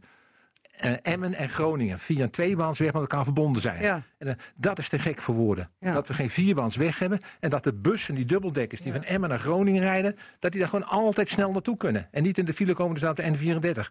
En dat heeft wat mij betreft een grotere prioriteit dan van Groningen over Stadskanaal naar Emmen toe met het spoortje. Ja, maar dan komen we uit bij het stikstof. Want, eh, nou, Nou, daar gaan we zo over praten. Nee, nu, nu, daar was ik al aan toe, maar jij kwam met die N34. En dat past helemaal in het plaatje, want de stikstofmalaise dat gaat maar door. Want ook Ja. al heeft de provincie de scherpe randjes er wat afgehaald eh, richting de boeren met betrekking tot het stikstofbeleid, zo bleek gisteren. Farmers Defence Force. Die eh, zint op een grote kerstblokkade van het distributiecentrum van de supermarkten. Met trekkers de boel op slot zetten, zodat we allemaal lege schappen aantreffen. Als wij driftig onze kerstinkoopjes gaan doen. Heerlijk, dan wordt het eens een keer duidelijk wat wij met elkaar aan het doen zijn. Hè? We hebben het er hier al vaker over gehad. Ja. Hè? Die prijzen van die boeren moeten naar boven toe. Zodat ze niet Eerlijke prijs. Eerlijke prijs, dat ze niet industrieel hoeven te werken. Het is uitstekend dat ze daar de vinger even op willen leggen. Dus jij zegt goed, doe maar die blokkade. Ah, ze- dit, dit moet wel. Jij moet- schiet in het veld wel een haasje meer. Ah, oh, dat, eh, zeker. Zal ik een beetje voor jou meenemen? Nee, ik vind die dingen stinken uit de pan. denk ik, wat heb ik nou voor Nee, maar, nee, maar, op nee, tafel? nee, maar, maar even serieus. Het feit, dat, het feit dat ze op deze manier eh, daar aandacht voor vragen, dat hun prijzen te, la- te laag liggen en dat, ze tot industriële eh, eh, manier van werken en daardoor andere problemen bewerkstelligen. Ik vind daar moeten we aandacht dat, is Nico. toch helemaal, dat is helemaal het punt niet. Het gaat niet over de, de prijs, het gaat over het voortbestaan van de bedrijven. Ja. En Daar maakt het onderdeel uit van die prijzen, want zij worden met allerlei stikstofmaatregelen eh, ja, maar de stikstofmaten, bedreigd. Maar de stikstofmaten zijn gewoon dat je eh, je bedrijf niet meer kan uitbreiden. En dat als je een nieuwe vergunning aanvraagt, Mhm. dat je 30% kwijtraakt van je, de, de, de capaciteit. En dat gaat gewoon het voort, voortbestaan van de bedrijven. Of je nou prijzen voor de bedrijf- dat, dat, dat Nou is de zij- discussie de- niet. Wacht Ja, even, maar- de, maar dan- boeren, ho, ho, ho, ho. de boeren willen best wel wat doen. Maatregelen treffen, duurzaamheidsmaatregelen, kost geld, moeten ze ook een betere prijs voor hun product. Dat heeft wel met elkaar te maken. Ja, maar- Dus denk jij dat een supermarktblokkade of distributiecentrumblokade een goed middel Ik is? denk dat ze het niet doen. Ik denk dat ze de sympathie van de, van de, de publiek niet willen verspelen. Ik geloof er niks van dat ze dat doen. Nee, want dan heb je een vloekende en tierende Nico opgeschoten bij de supermarkt staan. En denk je, gadverdamme, wat moet ik nou eten met kerst? Er is niks. Nee, nou, nou goed, dat, dat, dat, dat valt voor mee. Maar ik, ik denk dat ze ook heel erg opletten op de sympathie van de, van de burgers. En als ze de burgers gaan treffen met kerstmis, dat zou een hele domme actie zijn. Maar alle acties waarbij ze het voortbestaan van de boeren in Nederland eh, willen veiligstellen, die steun ik van harte. Maar niet dit. Maar dit, dit lijkt mij een hele domme actie als je dat voor elkaar wil krijgen. Oké, en wat zegt Christine Bronner dan? Mij persoonlijk raak je er niet zo mee, want ik eet mijn hele leven al vegetarisch en ik kan ook wel een weekje veganistisch. Dus, eh, maar eh, Veganistisch is ook helemaal zonder melk en eh, eieren en dat soort dingen. dus dan heb je geen die, helemaal geen dieren nodig, zeg maar. Dat, dan graas jij gewoon even je grasveldje af. Ja, weet je, er is, er is genoeg eten, echt waar. Maar eh, nee, ik, ik kan daar niet zo. Ik ben over het algemeen niet, persoonlijk niet zo van stakingen en, en, en, en, en burger, gewoon on, ik hem even onschuldige burgers hiermee belasten. Het, weet je, eh, je punt duidelijk maken, dat is natuurlijk eh, aan iedere doelgroep om dat op een goede manier te doen. Maar volgens mij weten we het nu wel een beetje. Ja, oké. Nou, nou, kennelijk volgens de... Het moet nog doorgaan. Hè? Maar nou zegt Jan Brouwer, die is hoogleraar in Groningen... en hij is niet voor niks hoogleraar. Hij is ook nog directeur voor van, bij het Centrum voor Openbare Orde en Veiligheid. Die zegt... Nou, ik verwacht dat het lever ingezet gaat worden... want dit wordt een, eh, een flinke clash... en de burgemeesters zullen dit niet over hun kant laten gaan. Ja. Is zijn voorspelling. Ja, dat is de oplossing. Het leger inzetten tegen de boeren. Nou, je hebt het al gezien bij de laatste Precies. manifestatie toen in Den Haag... toen ook het leger ingezet werd. Omdat een simpele politieauto niet zomaar even een dikke deuts tegenhoudt. Nee, absoluut niet. Nee. Jongens, maar kom, dan gaan, we, dan gaan we toch veel te ver. Dan gaan we toch in strijd. En dat willen de boeren ook niet. Vind je Die dat wel willen- overdreven wat Jan Brouwer zegt als hoogleraar? Dat, is, dat, dat, is, dat is onzin. Boeren zijn gewone, normale Nederlanders en redelijke mensen. Weet je, daar kun je, met, daar kun je over dit soort dingen... En ze willen een punt maken. Ja. En dat punt wat ze willen maken, dat vind ik terecht. Maar dat ze nou dagenlang die eh, distributiecentra bezetten. Eh, jij heeft helemaal gelijk. Weet je, ze gaan de sympathie, Ja, van, de Nico- sympathie Nico- van de burger Nico gaan, willen ze niet je. verliezen. Ze willen even een punt Jij maken. ziet het niet gebeuren. Nee, nee, ik zie het niet meer. Maar ik, hun acties zullen wel steeds scherper worden. Ja. Want ook, we hebben gisteren in de Staten daar weer een hele discussie over gehad. Extra vergadering. En de scherpe kantjes zijn er wat mij betreft helemaal niet af. We hebben alleen maar gepraat over eh, met dat interne externe salderen. Dus wanneer je wel of niet je bedrijf Ja, mag ja, voortzetten. en ingewikkeld allemaal. Ja, nee, maar daar, daar, daar gaat het niet om. De, boodschap is steeds, de boeren hebben gezorgd voor deze ellende. Mm. En de boeren moeten nu dus eh, minder gaan boeren. En daar zijn we het helemaal niet mee eens. Ik, ik heb het gisteren staat ook gezegd, het komt ook door die kritische depositiewaarde. Dat is de hoeveelheid de stikstof die je op een hectare mag storten. Die zijn in Drenthe zo laag. Wij hebben hier eh, natuurgebieden die heel... eh, Er zit iemand met heel cynisch duimpje ja, ja, nee, omhoog nee, die naast heel, je. nee, maar die heel eh, arm moeten zijn. Ik snap, als een vogelpoepje opvalt, dan is er al te veel bemesting op, op, dat, eh, op, dat terrein. En, en dat heb ik ook gevraagd aan, aan eh, meneer Jumelet. Ik zeg, maar denkt u dat wij ooit aan die kritische depositiewaarde kunnen komen? Dat ik, zei nee, dat denk ik niet. Ik zeg, maar zouden we niet eens een discussie moeten krijgen over wat nou die kritische depositiewaarden moeten zijn hier in Drenthe? Want zijn die niet veel te laag? En, want de statistieken lijken net, een Drenthe is een puinhoop. We zitten er 300, 400, 500 procent boven. Maar dan komt het dat die waarden zo laag zijn. En het, het lijkt Hmm. Oké. net of in Drenthe heel Maar slecht goed, om te, om, te, kunt wonen. om, te, vers- om te voorkomen dat we verzanden in, eh, in een depositiewaarde-discussie. Nee, niet. Maar Oké. de sta- die wordt alleen niet echt gevoerd. Die blijft Maar- buiten, buiten beschouwing. Maar even naar die Jan Brouwer toe, dat het leger ingezet moet Ah, gaan worden. Want zo kan het niet. Onzin. En wat zeg jij dan, Christine? Eens. Eens. Onzin. Ja. Jij ziet het le- eens. Ja, en ik wou zeggen... Oh, eens? Nee, eens dat het nee. leger ingezet Ja, wordt. joh. Volgens mij heeft het leger zelf al mensen. Ja. Ja, Oké. ja die Ehm, kunnen de beveiligingen nog niet eens overnemen van de gemeentes. En trekken ze al, al de politiemensen uit Drenthe weg. En zijn jullie al aan het oefenen met 100 kilometer eh, over de snelweg? Hoe Ik voelt dat? 110 deze keer. Ik ben over de oude snelweg gekomen met 110. Iedereen reed mij nog voorbij. 110? Ja. Dat is te hard. Ja, dat is voor- nog niet... Nee, Je dat bent aan het afbouwen. Nee, ik, nee, maar dat is voor mijn autootje al heel hard. Smartje, hè? Ja. Die gaat dan helemaal rammelen. Nou, ik, ik reed laatst van Tilburg naar Amsterdam. En ik heb echt geprobeerd om 100 te halen, maar dat is niet gelukt. Nee, je haalde het niet eens. Dus ik denk wel eens, weet je, wat is dit nou? Maar ja, goed, je kon niet afstakken naar 100, bedoel je? Nee, Nee, je ik- de 100 nee niet joh, haalt, is het man, weet je, stuk de- wat jij je- uit het, hele, ja, het hele stuk rijd je niet harder dan 80. Ja. Als je geluk hebt dat je rijdt. Oh, oh, je hebt, oh je, op die manier heb je de Ja, 100 niet gehaald. Dus, hè, maar nou, ik ben een echt spoorkind. Ik ben een geboren spoorkind, maar ik hou van treinen. En, eh, Oké. ja. Oké. Heerlijk, hè? kun je heerlijk werken. En, en Nico dan, ben jij aan het oefenen? Nee, naar de maar ik heb- 100? nou, Ik was heel blij dat ik nog 130 kon rijden. Ik heb ervan genoten. Oké, dus je, je haalt er alles uit wat er nog in zit. Zeker. Tot, het, tot maart, hè? In het vervolg en- over Duitsland hoor, naar huis. Ja, nee hoor, nee. nee. Dat is wel heel erg Als al. ik naar het zuiden ga, zal ik de A31 nemen. Ja. Oké, maar neem alle gekheid op, alle gekheid op een stokje, want ik wil het nog even hebben over die stikstofnoodwet. Want de vraag is nog maar, als het de Eerste Kamer maar haalt. Nou, dat betwijfel ik. Ja, dan moet jouw partij wel wat doen, eh, GroenLinks. Nou, ik denk dat hij echt een probleem heeft om, om, om een goede keuze te maken. Maar daar zijn we dan toch weer terug bij af. ja, als, het, als hij er niet doorkomt, zijn we terug bij af. En dan kunnen ze niet bouwen.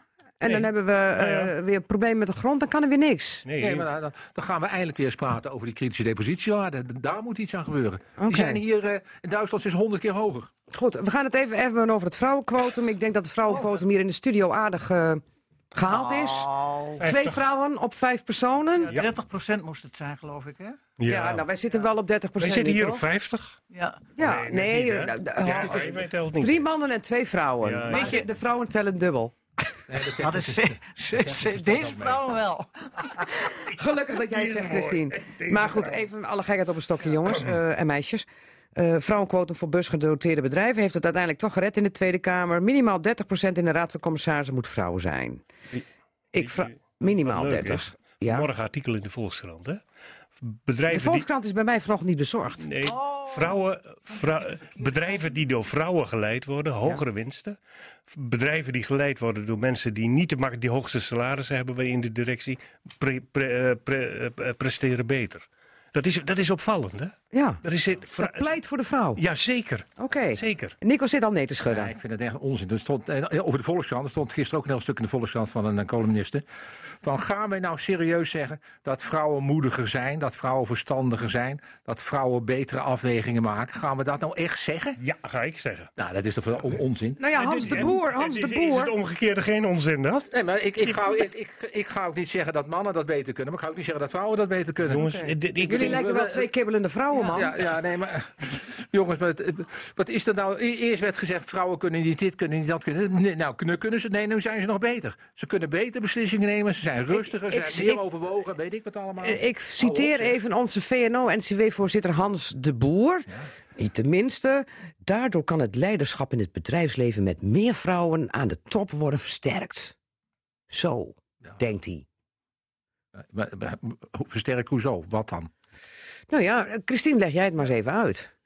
Steun Ja. jij dit of heb jij zoiets van, we moeten ervoor waken, daar hebben we het al even over gehad hè, in het eerste uur. We moeten ervoor waken dat men allemaal straks niet zegt van, oh, ze is het geworden omdat ze vrouw is. Ja, maar in zijn algemeenheid, dit zeg ik als persoon, hè. Hm?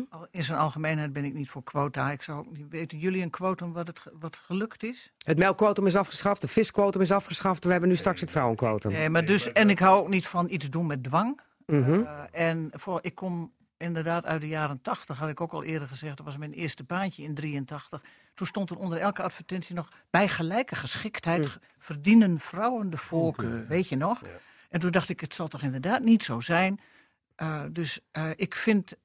weet je, er zitten heel veel kanten aan. Wat ik persoonlijk heb meegemaakt in mijn werkzame leven... is dat het ook vaak vrouwen zijn die niet bereid zijn... om 40, 50, 60 uur te werken. Nee. En eh, nou, dan, kan ik ze misschien niet. ook meer op taken thuis. eh, eh, toch Nou, ook het- vaak het- weet je, kinderen misschien ze- op de vrouw ja, aan. misschien klinkt het theoretisch wel leuk dat je allebei voor de kinderen zorgt, maar vaak is dat niet het geval. En ook nu weer, zie ik, ik, ik, bedoel, ik zie het heel veel dat na het krijgen van kinderen, dat je dan parttime gaat werken. En, Hm. en met parttime werken kom je niet in de top van het bedrijfsleven. Nee.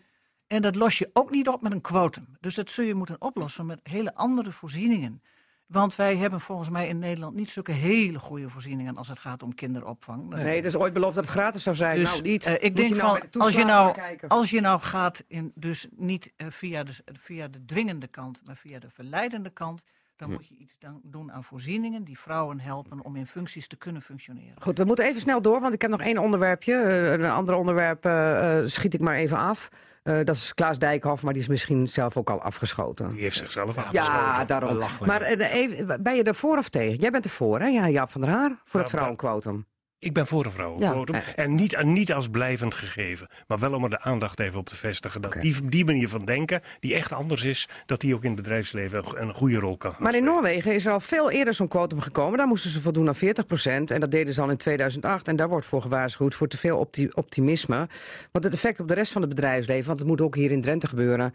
valt vies tegen. Want het is de bedoeling dat andere bedrijven... die niet beursgenoteerd eh, zijn, het overnemen. Maar in, in Noorwegen komt daar ook geen bal van terecht. Dat verbaast mij niks, maar ja. Nee, nee. Maar jij bent echt tegen, hè? Ja, nee, mensen die goed zijn, en dan heb ik niet van mannen en vrouwen, die horen aan de top te komen. En dat hoort niet met een quotum te gebeuren. Gaan we nou ook in, in sectoren waar heel veel vrouwen zijn, in het onderwijs, gaan we er ook quota stellen? Daar moeten ook mannen in komen. Ja, ik zou het wel, wel, op prijs stellen wel. mannelijke Dat- dat mannen daar- leraren komen. Nee, maar dat wordt wel steeds meer gezegd. Die, die kind- nee, maar- kinderen op scholen hebben. Maar dan ga je toch niet een quotum stellen, dat moeten dan mannen zijn? Ja. Ja? Oké. Ja, Ja. Volgende opvoedkundig stap? Helder, hè? Als je het maar belachelijk genoeg maakt, dan zie je het ook wel. Ja, maar over het onderwijs, Arjan Lubach nog even weer terugzien. Hè, over waarom er zo weinig mannen in het, onderwi- in het onderwijs werken. Oké, dat als tip. Tot slot, TVM blijft in Hogeveen. Allemaal de vlag uit en die gaat niet naar Zwolle. Want anders waren we toch wel een heel grote verzekeraar... met bijna 500 banen kwijtgeraakt. Het is hartstikke mooi dat dat bedrijf daar blijft. Het is, maar, maar we moeten er ons daar niet te veel op, aan ophangen. Hè. Als ik kijk waar de, waar, de, waar de werkgelegenheid in regio Meppel vandaan komt, dan komt het uit midden- en kleinbedrijf. Die doen, het, die doen het goed. Die doen het. En die grote bedrijven, die verzekeraars, de grote banken, die we automatiseren, die ontwikkelen zich op die manier verder. En die zijn steeds met het personeel door. Dus fijn dat ze blijven, maar laten we ons er niet op focussen, maar op midden- en Maar we kleinbedrijf. zijn al heel wat aan Zwolle kwijtgeraakt. Want Achmea Ja. zat ooit in Meppel met honderden al- die, die werknemers. is alweer naar Apeldoorn. ja, die is van Zwolle doorgesluist naar Apeldoorn. En Ja. we zijn Rees en Wieden al kwijt. Ja, zeker. Daar waren we in Drenthe ook niet zo blij mee. Nee, zijn we, helemaal, zijn we helemaal niet blij mee. Dat wil je allemaal graag houden. Ja. Maar focus je er niet op die grote bedrijven. Midden- en kleinbedrijf is veel belangrijker. Nico Ubbelschoten, jij stak de vlag uit. Ik- Ik ben blij dat ze ook grote bedrijven in, eh, in, eh, in, Hoge, in Hogeveen blijven. Hm. Want het is, het is zo zonde als het weggaat. Want het is ook een rand. Eh, bedrijvigheid levert dat op. Ja. Want het is niet vaak alleen het ene bedrijf wat weggaat, maar ook andere bedrijven die er iets mee te maken hebben, gaan dan ook maar weg. Ja. Ja. Dus ik ben De heel blij. spin-off. Hè? En binnen een klein bedrijf is heel belangrijk, maar vergeet ook de grote spelers niet. Nee, want er hebben heel veel mensen in de regio hebben daar ook weer Ja. werk van. Christine Bronda, jij deed ook een klein vreugdedansje. eh, want eh, Overijssel is toch de grens over hè, met Zwolle als TVM daarheen zou gaan. Nou, ik ben wel een beetje van het grensontkennen denken. maar, maar, maar- ja, In dit want als, we, als we ook een grensje... Nou, weet je, eh, eh, ons, het, logo van SNN is echt het, het noorden nog mooier maken. Mhm. en het noorden sterker maken.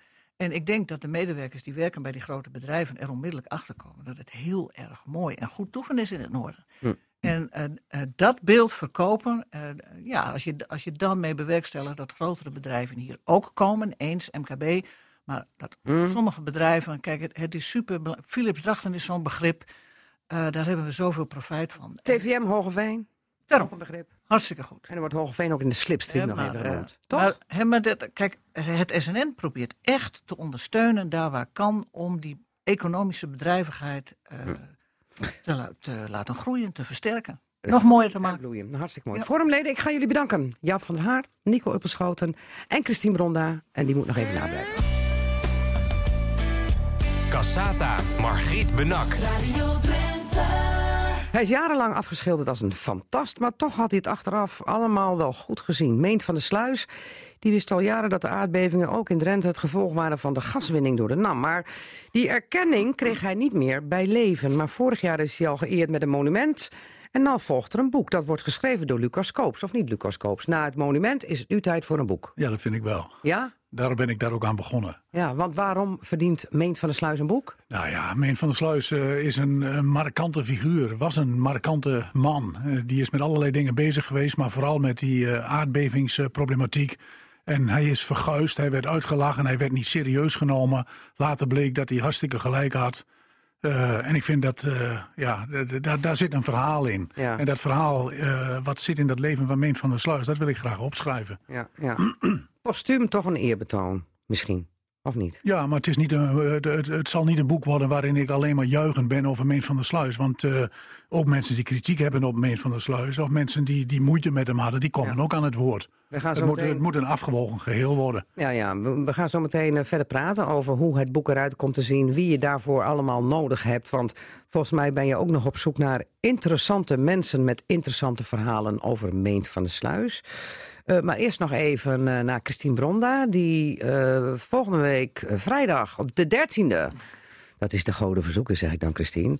Afscheid neemt met een borrel van het SNN, waar toch 124 mensen werken, waar honderden miljoenen in omgaan, vooral een Europees geld wat al 25 jaar bestaat. Hoe laat jij het SNN achter, Christine, om toch al binnen een jaar weer weg te gaan? In vol vertrouwen. Ja?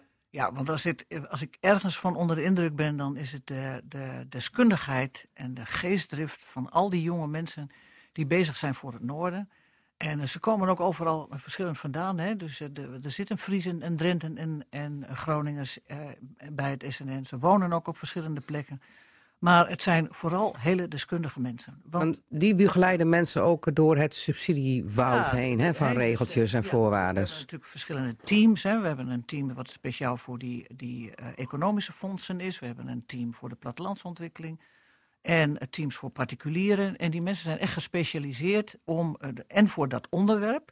En ook om mensen te begeleiden in dat aanvraagproces. Ja. Ehm, nou hebben we eh, eh, eh, juichende verhalen nu gehad over het SNN, allemaal hartstikke goed.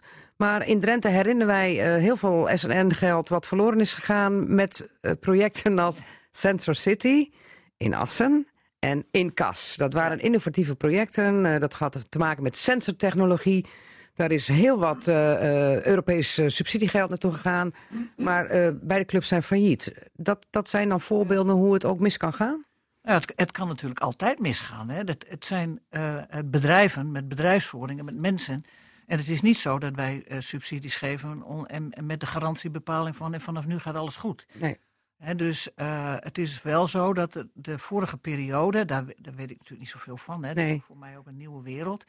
Maar de, voor, de Europese voorwaarden waren toen anders dan de voorwaarden nu. Oh, die zijn wat strakker? Eh, nou, anders. Het, eh, de, de vorige periode, dat ging echt om eh, nou ja, dat je het, het met elkaar moest doen. Dat je vers- met verschillende bedrijven samen moest werken. Daar zijn hele goede voorbeelden van. Bijvoorbeeld het ontstaan van de New Energy Coalition en de waterstofcall die we hebben binnengehaald. Hè. De, onze, eh, zeg maar onze lobbyisten in Den Ja. Haag en in Brussel hebben echt ontzettend goed werk gedaan om daar jarenlang eh, voor te lobbyen om dat geld naar Noord-Nederland te krijgen. Ja, om, om Nou, Noord-Nederland als waterstofregio op de kaart ja, te en zetten. Hogeveen is daar natuurlijk een hartstikke mooi voorbeeld van. De eerste eh, waterstofgemeente in eh, wijk in, in Noord-Nederland. Of überhaupt in Nederland. Überhaupt in Europa zou ik zeggen. Samen met de Rendo, hè, geloof ik. Dus het, ja, dat is, het is, eh, eh, Ja. er zijn, maar er zijn natuurlijk ook voorbeelden van dat het als de subsidiepot op is of, of halverwege kan ook, hè, want er zitten evaluatiemomenten in. Dus het is ook niet zo dat je in één keer al het geld eh, geeft en red je er maar mee.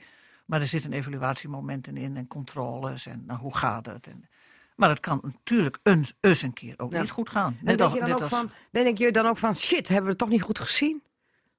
Nou, dat denk ik niet. Want wij, kijk, we, we houden wel contacten met de bedrijven, maar we Hmm. zijn natuurlijk geen, geen eh, hoe zeg je dat, eh, controllers, dat we er voortdurend op zitten. Hè. We, we geven het geld op, op eh, nadat de deskundigencommissie, als het gaat om EFRO bijvoorbeeld, nadat de deskundigencommissie daar een oordeel over EFRO is een vorm van. Europese subsidie. Ja.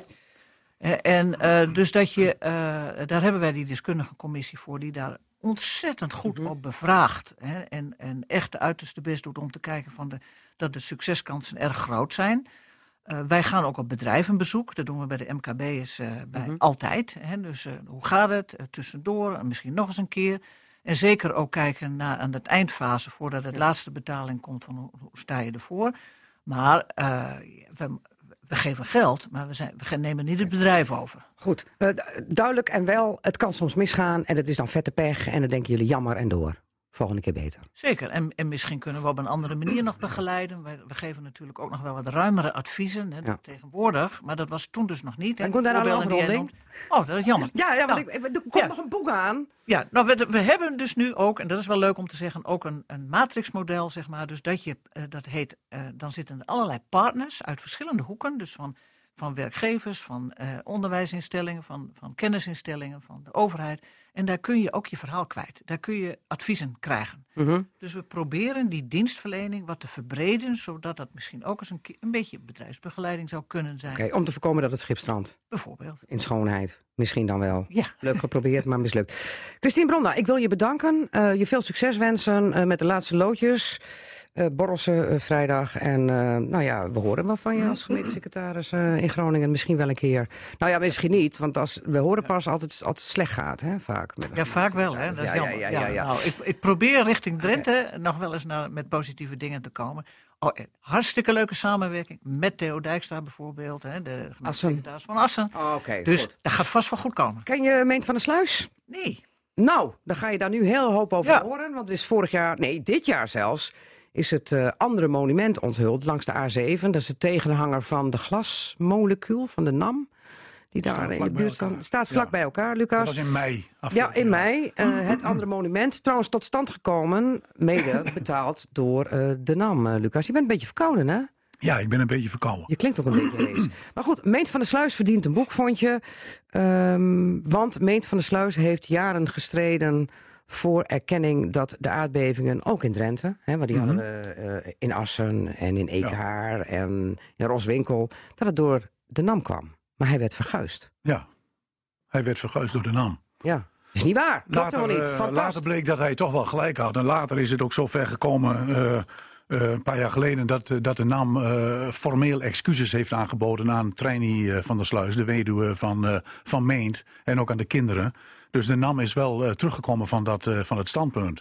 Maar destijds eh, maakte men Meent van der Sluis belachelijk. Ja, het was een fantast.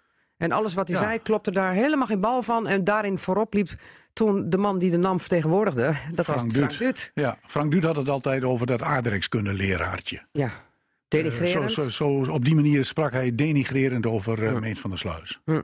En die staat natuurlijk op de lijst van degene die jij wil spreken voor het boek over Meent van der Sluis. Ik wil heel graag ook met Frank Duut eh, praten. Kijk, Frank Duut die is uitgebreid aan het woord geweest destijds. Die kom je tegen in allerlei krantenartikelen en zo.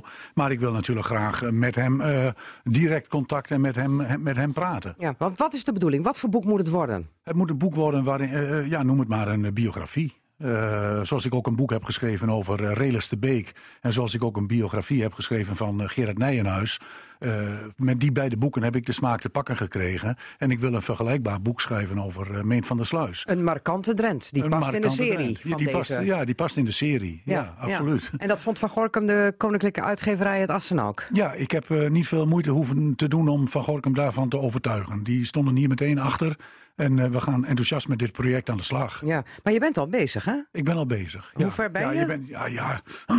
ik, ik, ik heb wat dingen opgeschreven. Ik ben materiaal aan het verzamelen. Je- daar, daar, daar begin je mee natuurlijk. En een opzet maken van een boek wat er allemaal in moet komen. Dat soort, dat soort zaken is, is van belang. En, die al- opzet, en die opzet wat erin moet komen, waar bestaat die dan uit?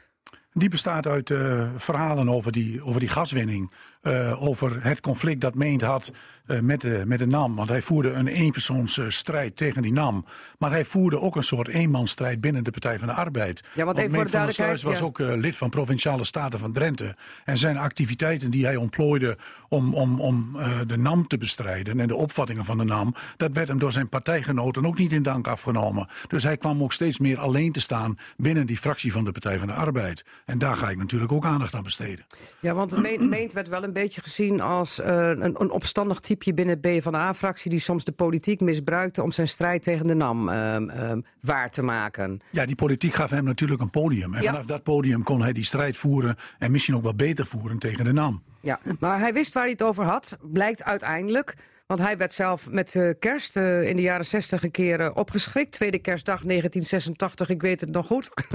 ik bestond toen wel, ja, dat bestond ik toen al. Ik weet waar je naartoe wilt. Eh, eh, ja, dat, dat hij werd opgeschud door, door een aardbeving in Assen. Ja, maar dat was geen aardbeving. Nee, want het was. Een zware tafel bij de buren die verschoven werd. Ja, Ja. dat blijkt het uiteindelijk te Dat zijn. is, dat, is, dat is een anekdote die gaat natuurlijk rond. Dat schijnt werkelijk gebeurd te zijn. Eh, Oké, iedereen mag zich een keer vergissen, dus Meent mag zich ook een keer vergissen.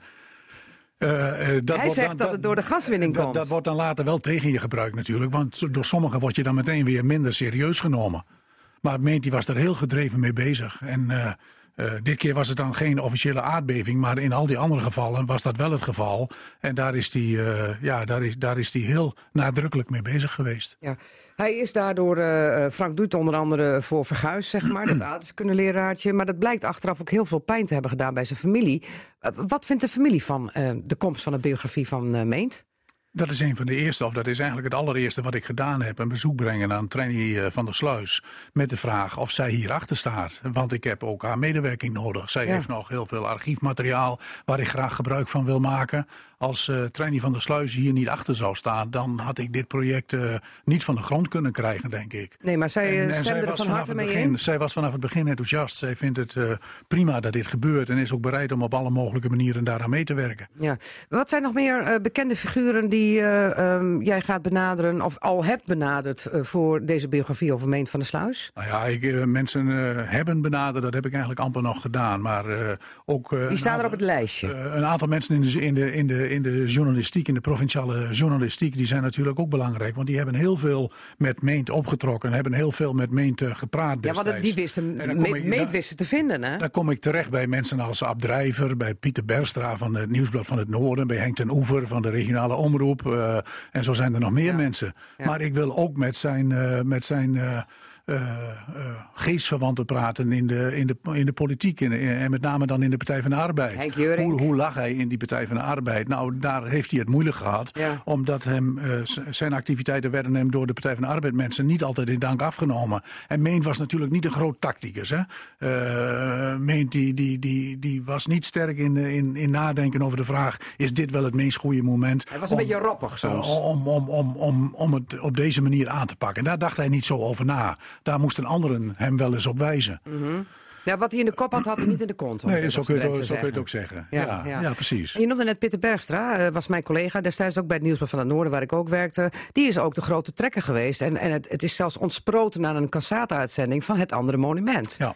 Maar die vindt dat dat meent ook onterecht verguisd is. Dus dan Mhm. heb je in ieder geval iemand die eh, eh, een medestander is van de strijd van Meent en hem begrepen altijd heeft. Ja, ja hij, hij heeft eh, meent altijd wel begrepen. En Ja. er waren meer mensen in de journalistiek die het wel konden vinden met Meent. Omdat Meent altijd wel interessante verhalen te vertellen Ja, ja, had. ja. Waar, waar ben je nou op zoek naar mensen eh, waarvan jij niet weet dat die interessante, verhalen hebben? Nou ja, ik, ik weet dat Meent destijds ook op pad ging, eh, excursies organiseerde met groepjes mensen eh, naar lokale bodemdalingen. Want dat is ook een thema, dat hoort bij die aardbevingen, bodemdaling. En er waren een aantal plekken, bijvoorbeeld bij Hooghalen, waar de bodem heel sterk ingeklonken was, heel sterk gedaald was. Dan ging hij daar met groepjes mensen naartoe en dan vertelde hij zijn verhaal. En ter plekke liet hij zien wat daar op die plek allemaal aan het gebeuren was. Ik zou nou wel graag eens in contact willen komen met mensen die meegeweest zijn op dit soort excursies. Wat die zich daar nog van herinneren en wat die daar nu nog over kunnen vertellen. Oké, eh, we zijn al bijna tot het einde. Eh, waar kunnen ze die zich melden, eh, Lucas? Die kunnen zich bij mij melden. Ja, natuurlijk. en dat is mailadres? mijn- mijn mailadres is lucaskoops.outlook.com. Wanneer moet het boek klaar zijn? Ja, dat is nog niet absoluut vastgelegd, maar ik denk eind volgend jaar. Ja, wat- Ergens in die buurt. Ja, ja, want het is eigenlijk 20 jaar na zijn dood dan, hè? Dat is dan 20 jaar na zijn dood. Want hij is in 2000 eh, overleden. 2000, ja. Lucas Koops, heb je al een titel? Eh, nee, nog niet. Oké, nou, alle tijd ervoor. Eh, bedankt eh, voor jullie komst. Ook Christine Bronda en Casata. Volgende week is er weer een nieuwe aflevering. Fijn weekend. Dag.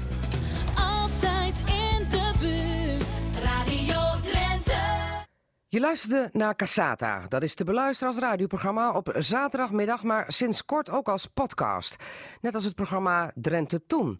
Vond je het nou interessant? Geef ons dan 5 sterren en laat je beoordeling achter. En vertel het natuurlijk ook aan vrienden, familie en collega's. Daar help je ons mee, zodat we nog meer luisteraars kunnen bereiken. Tot volgende week.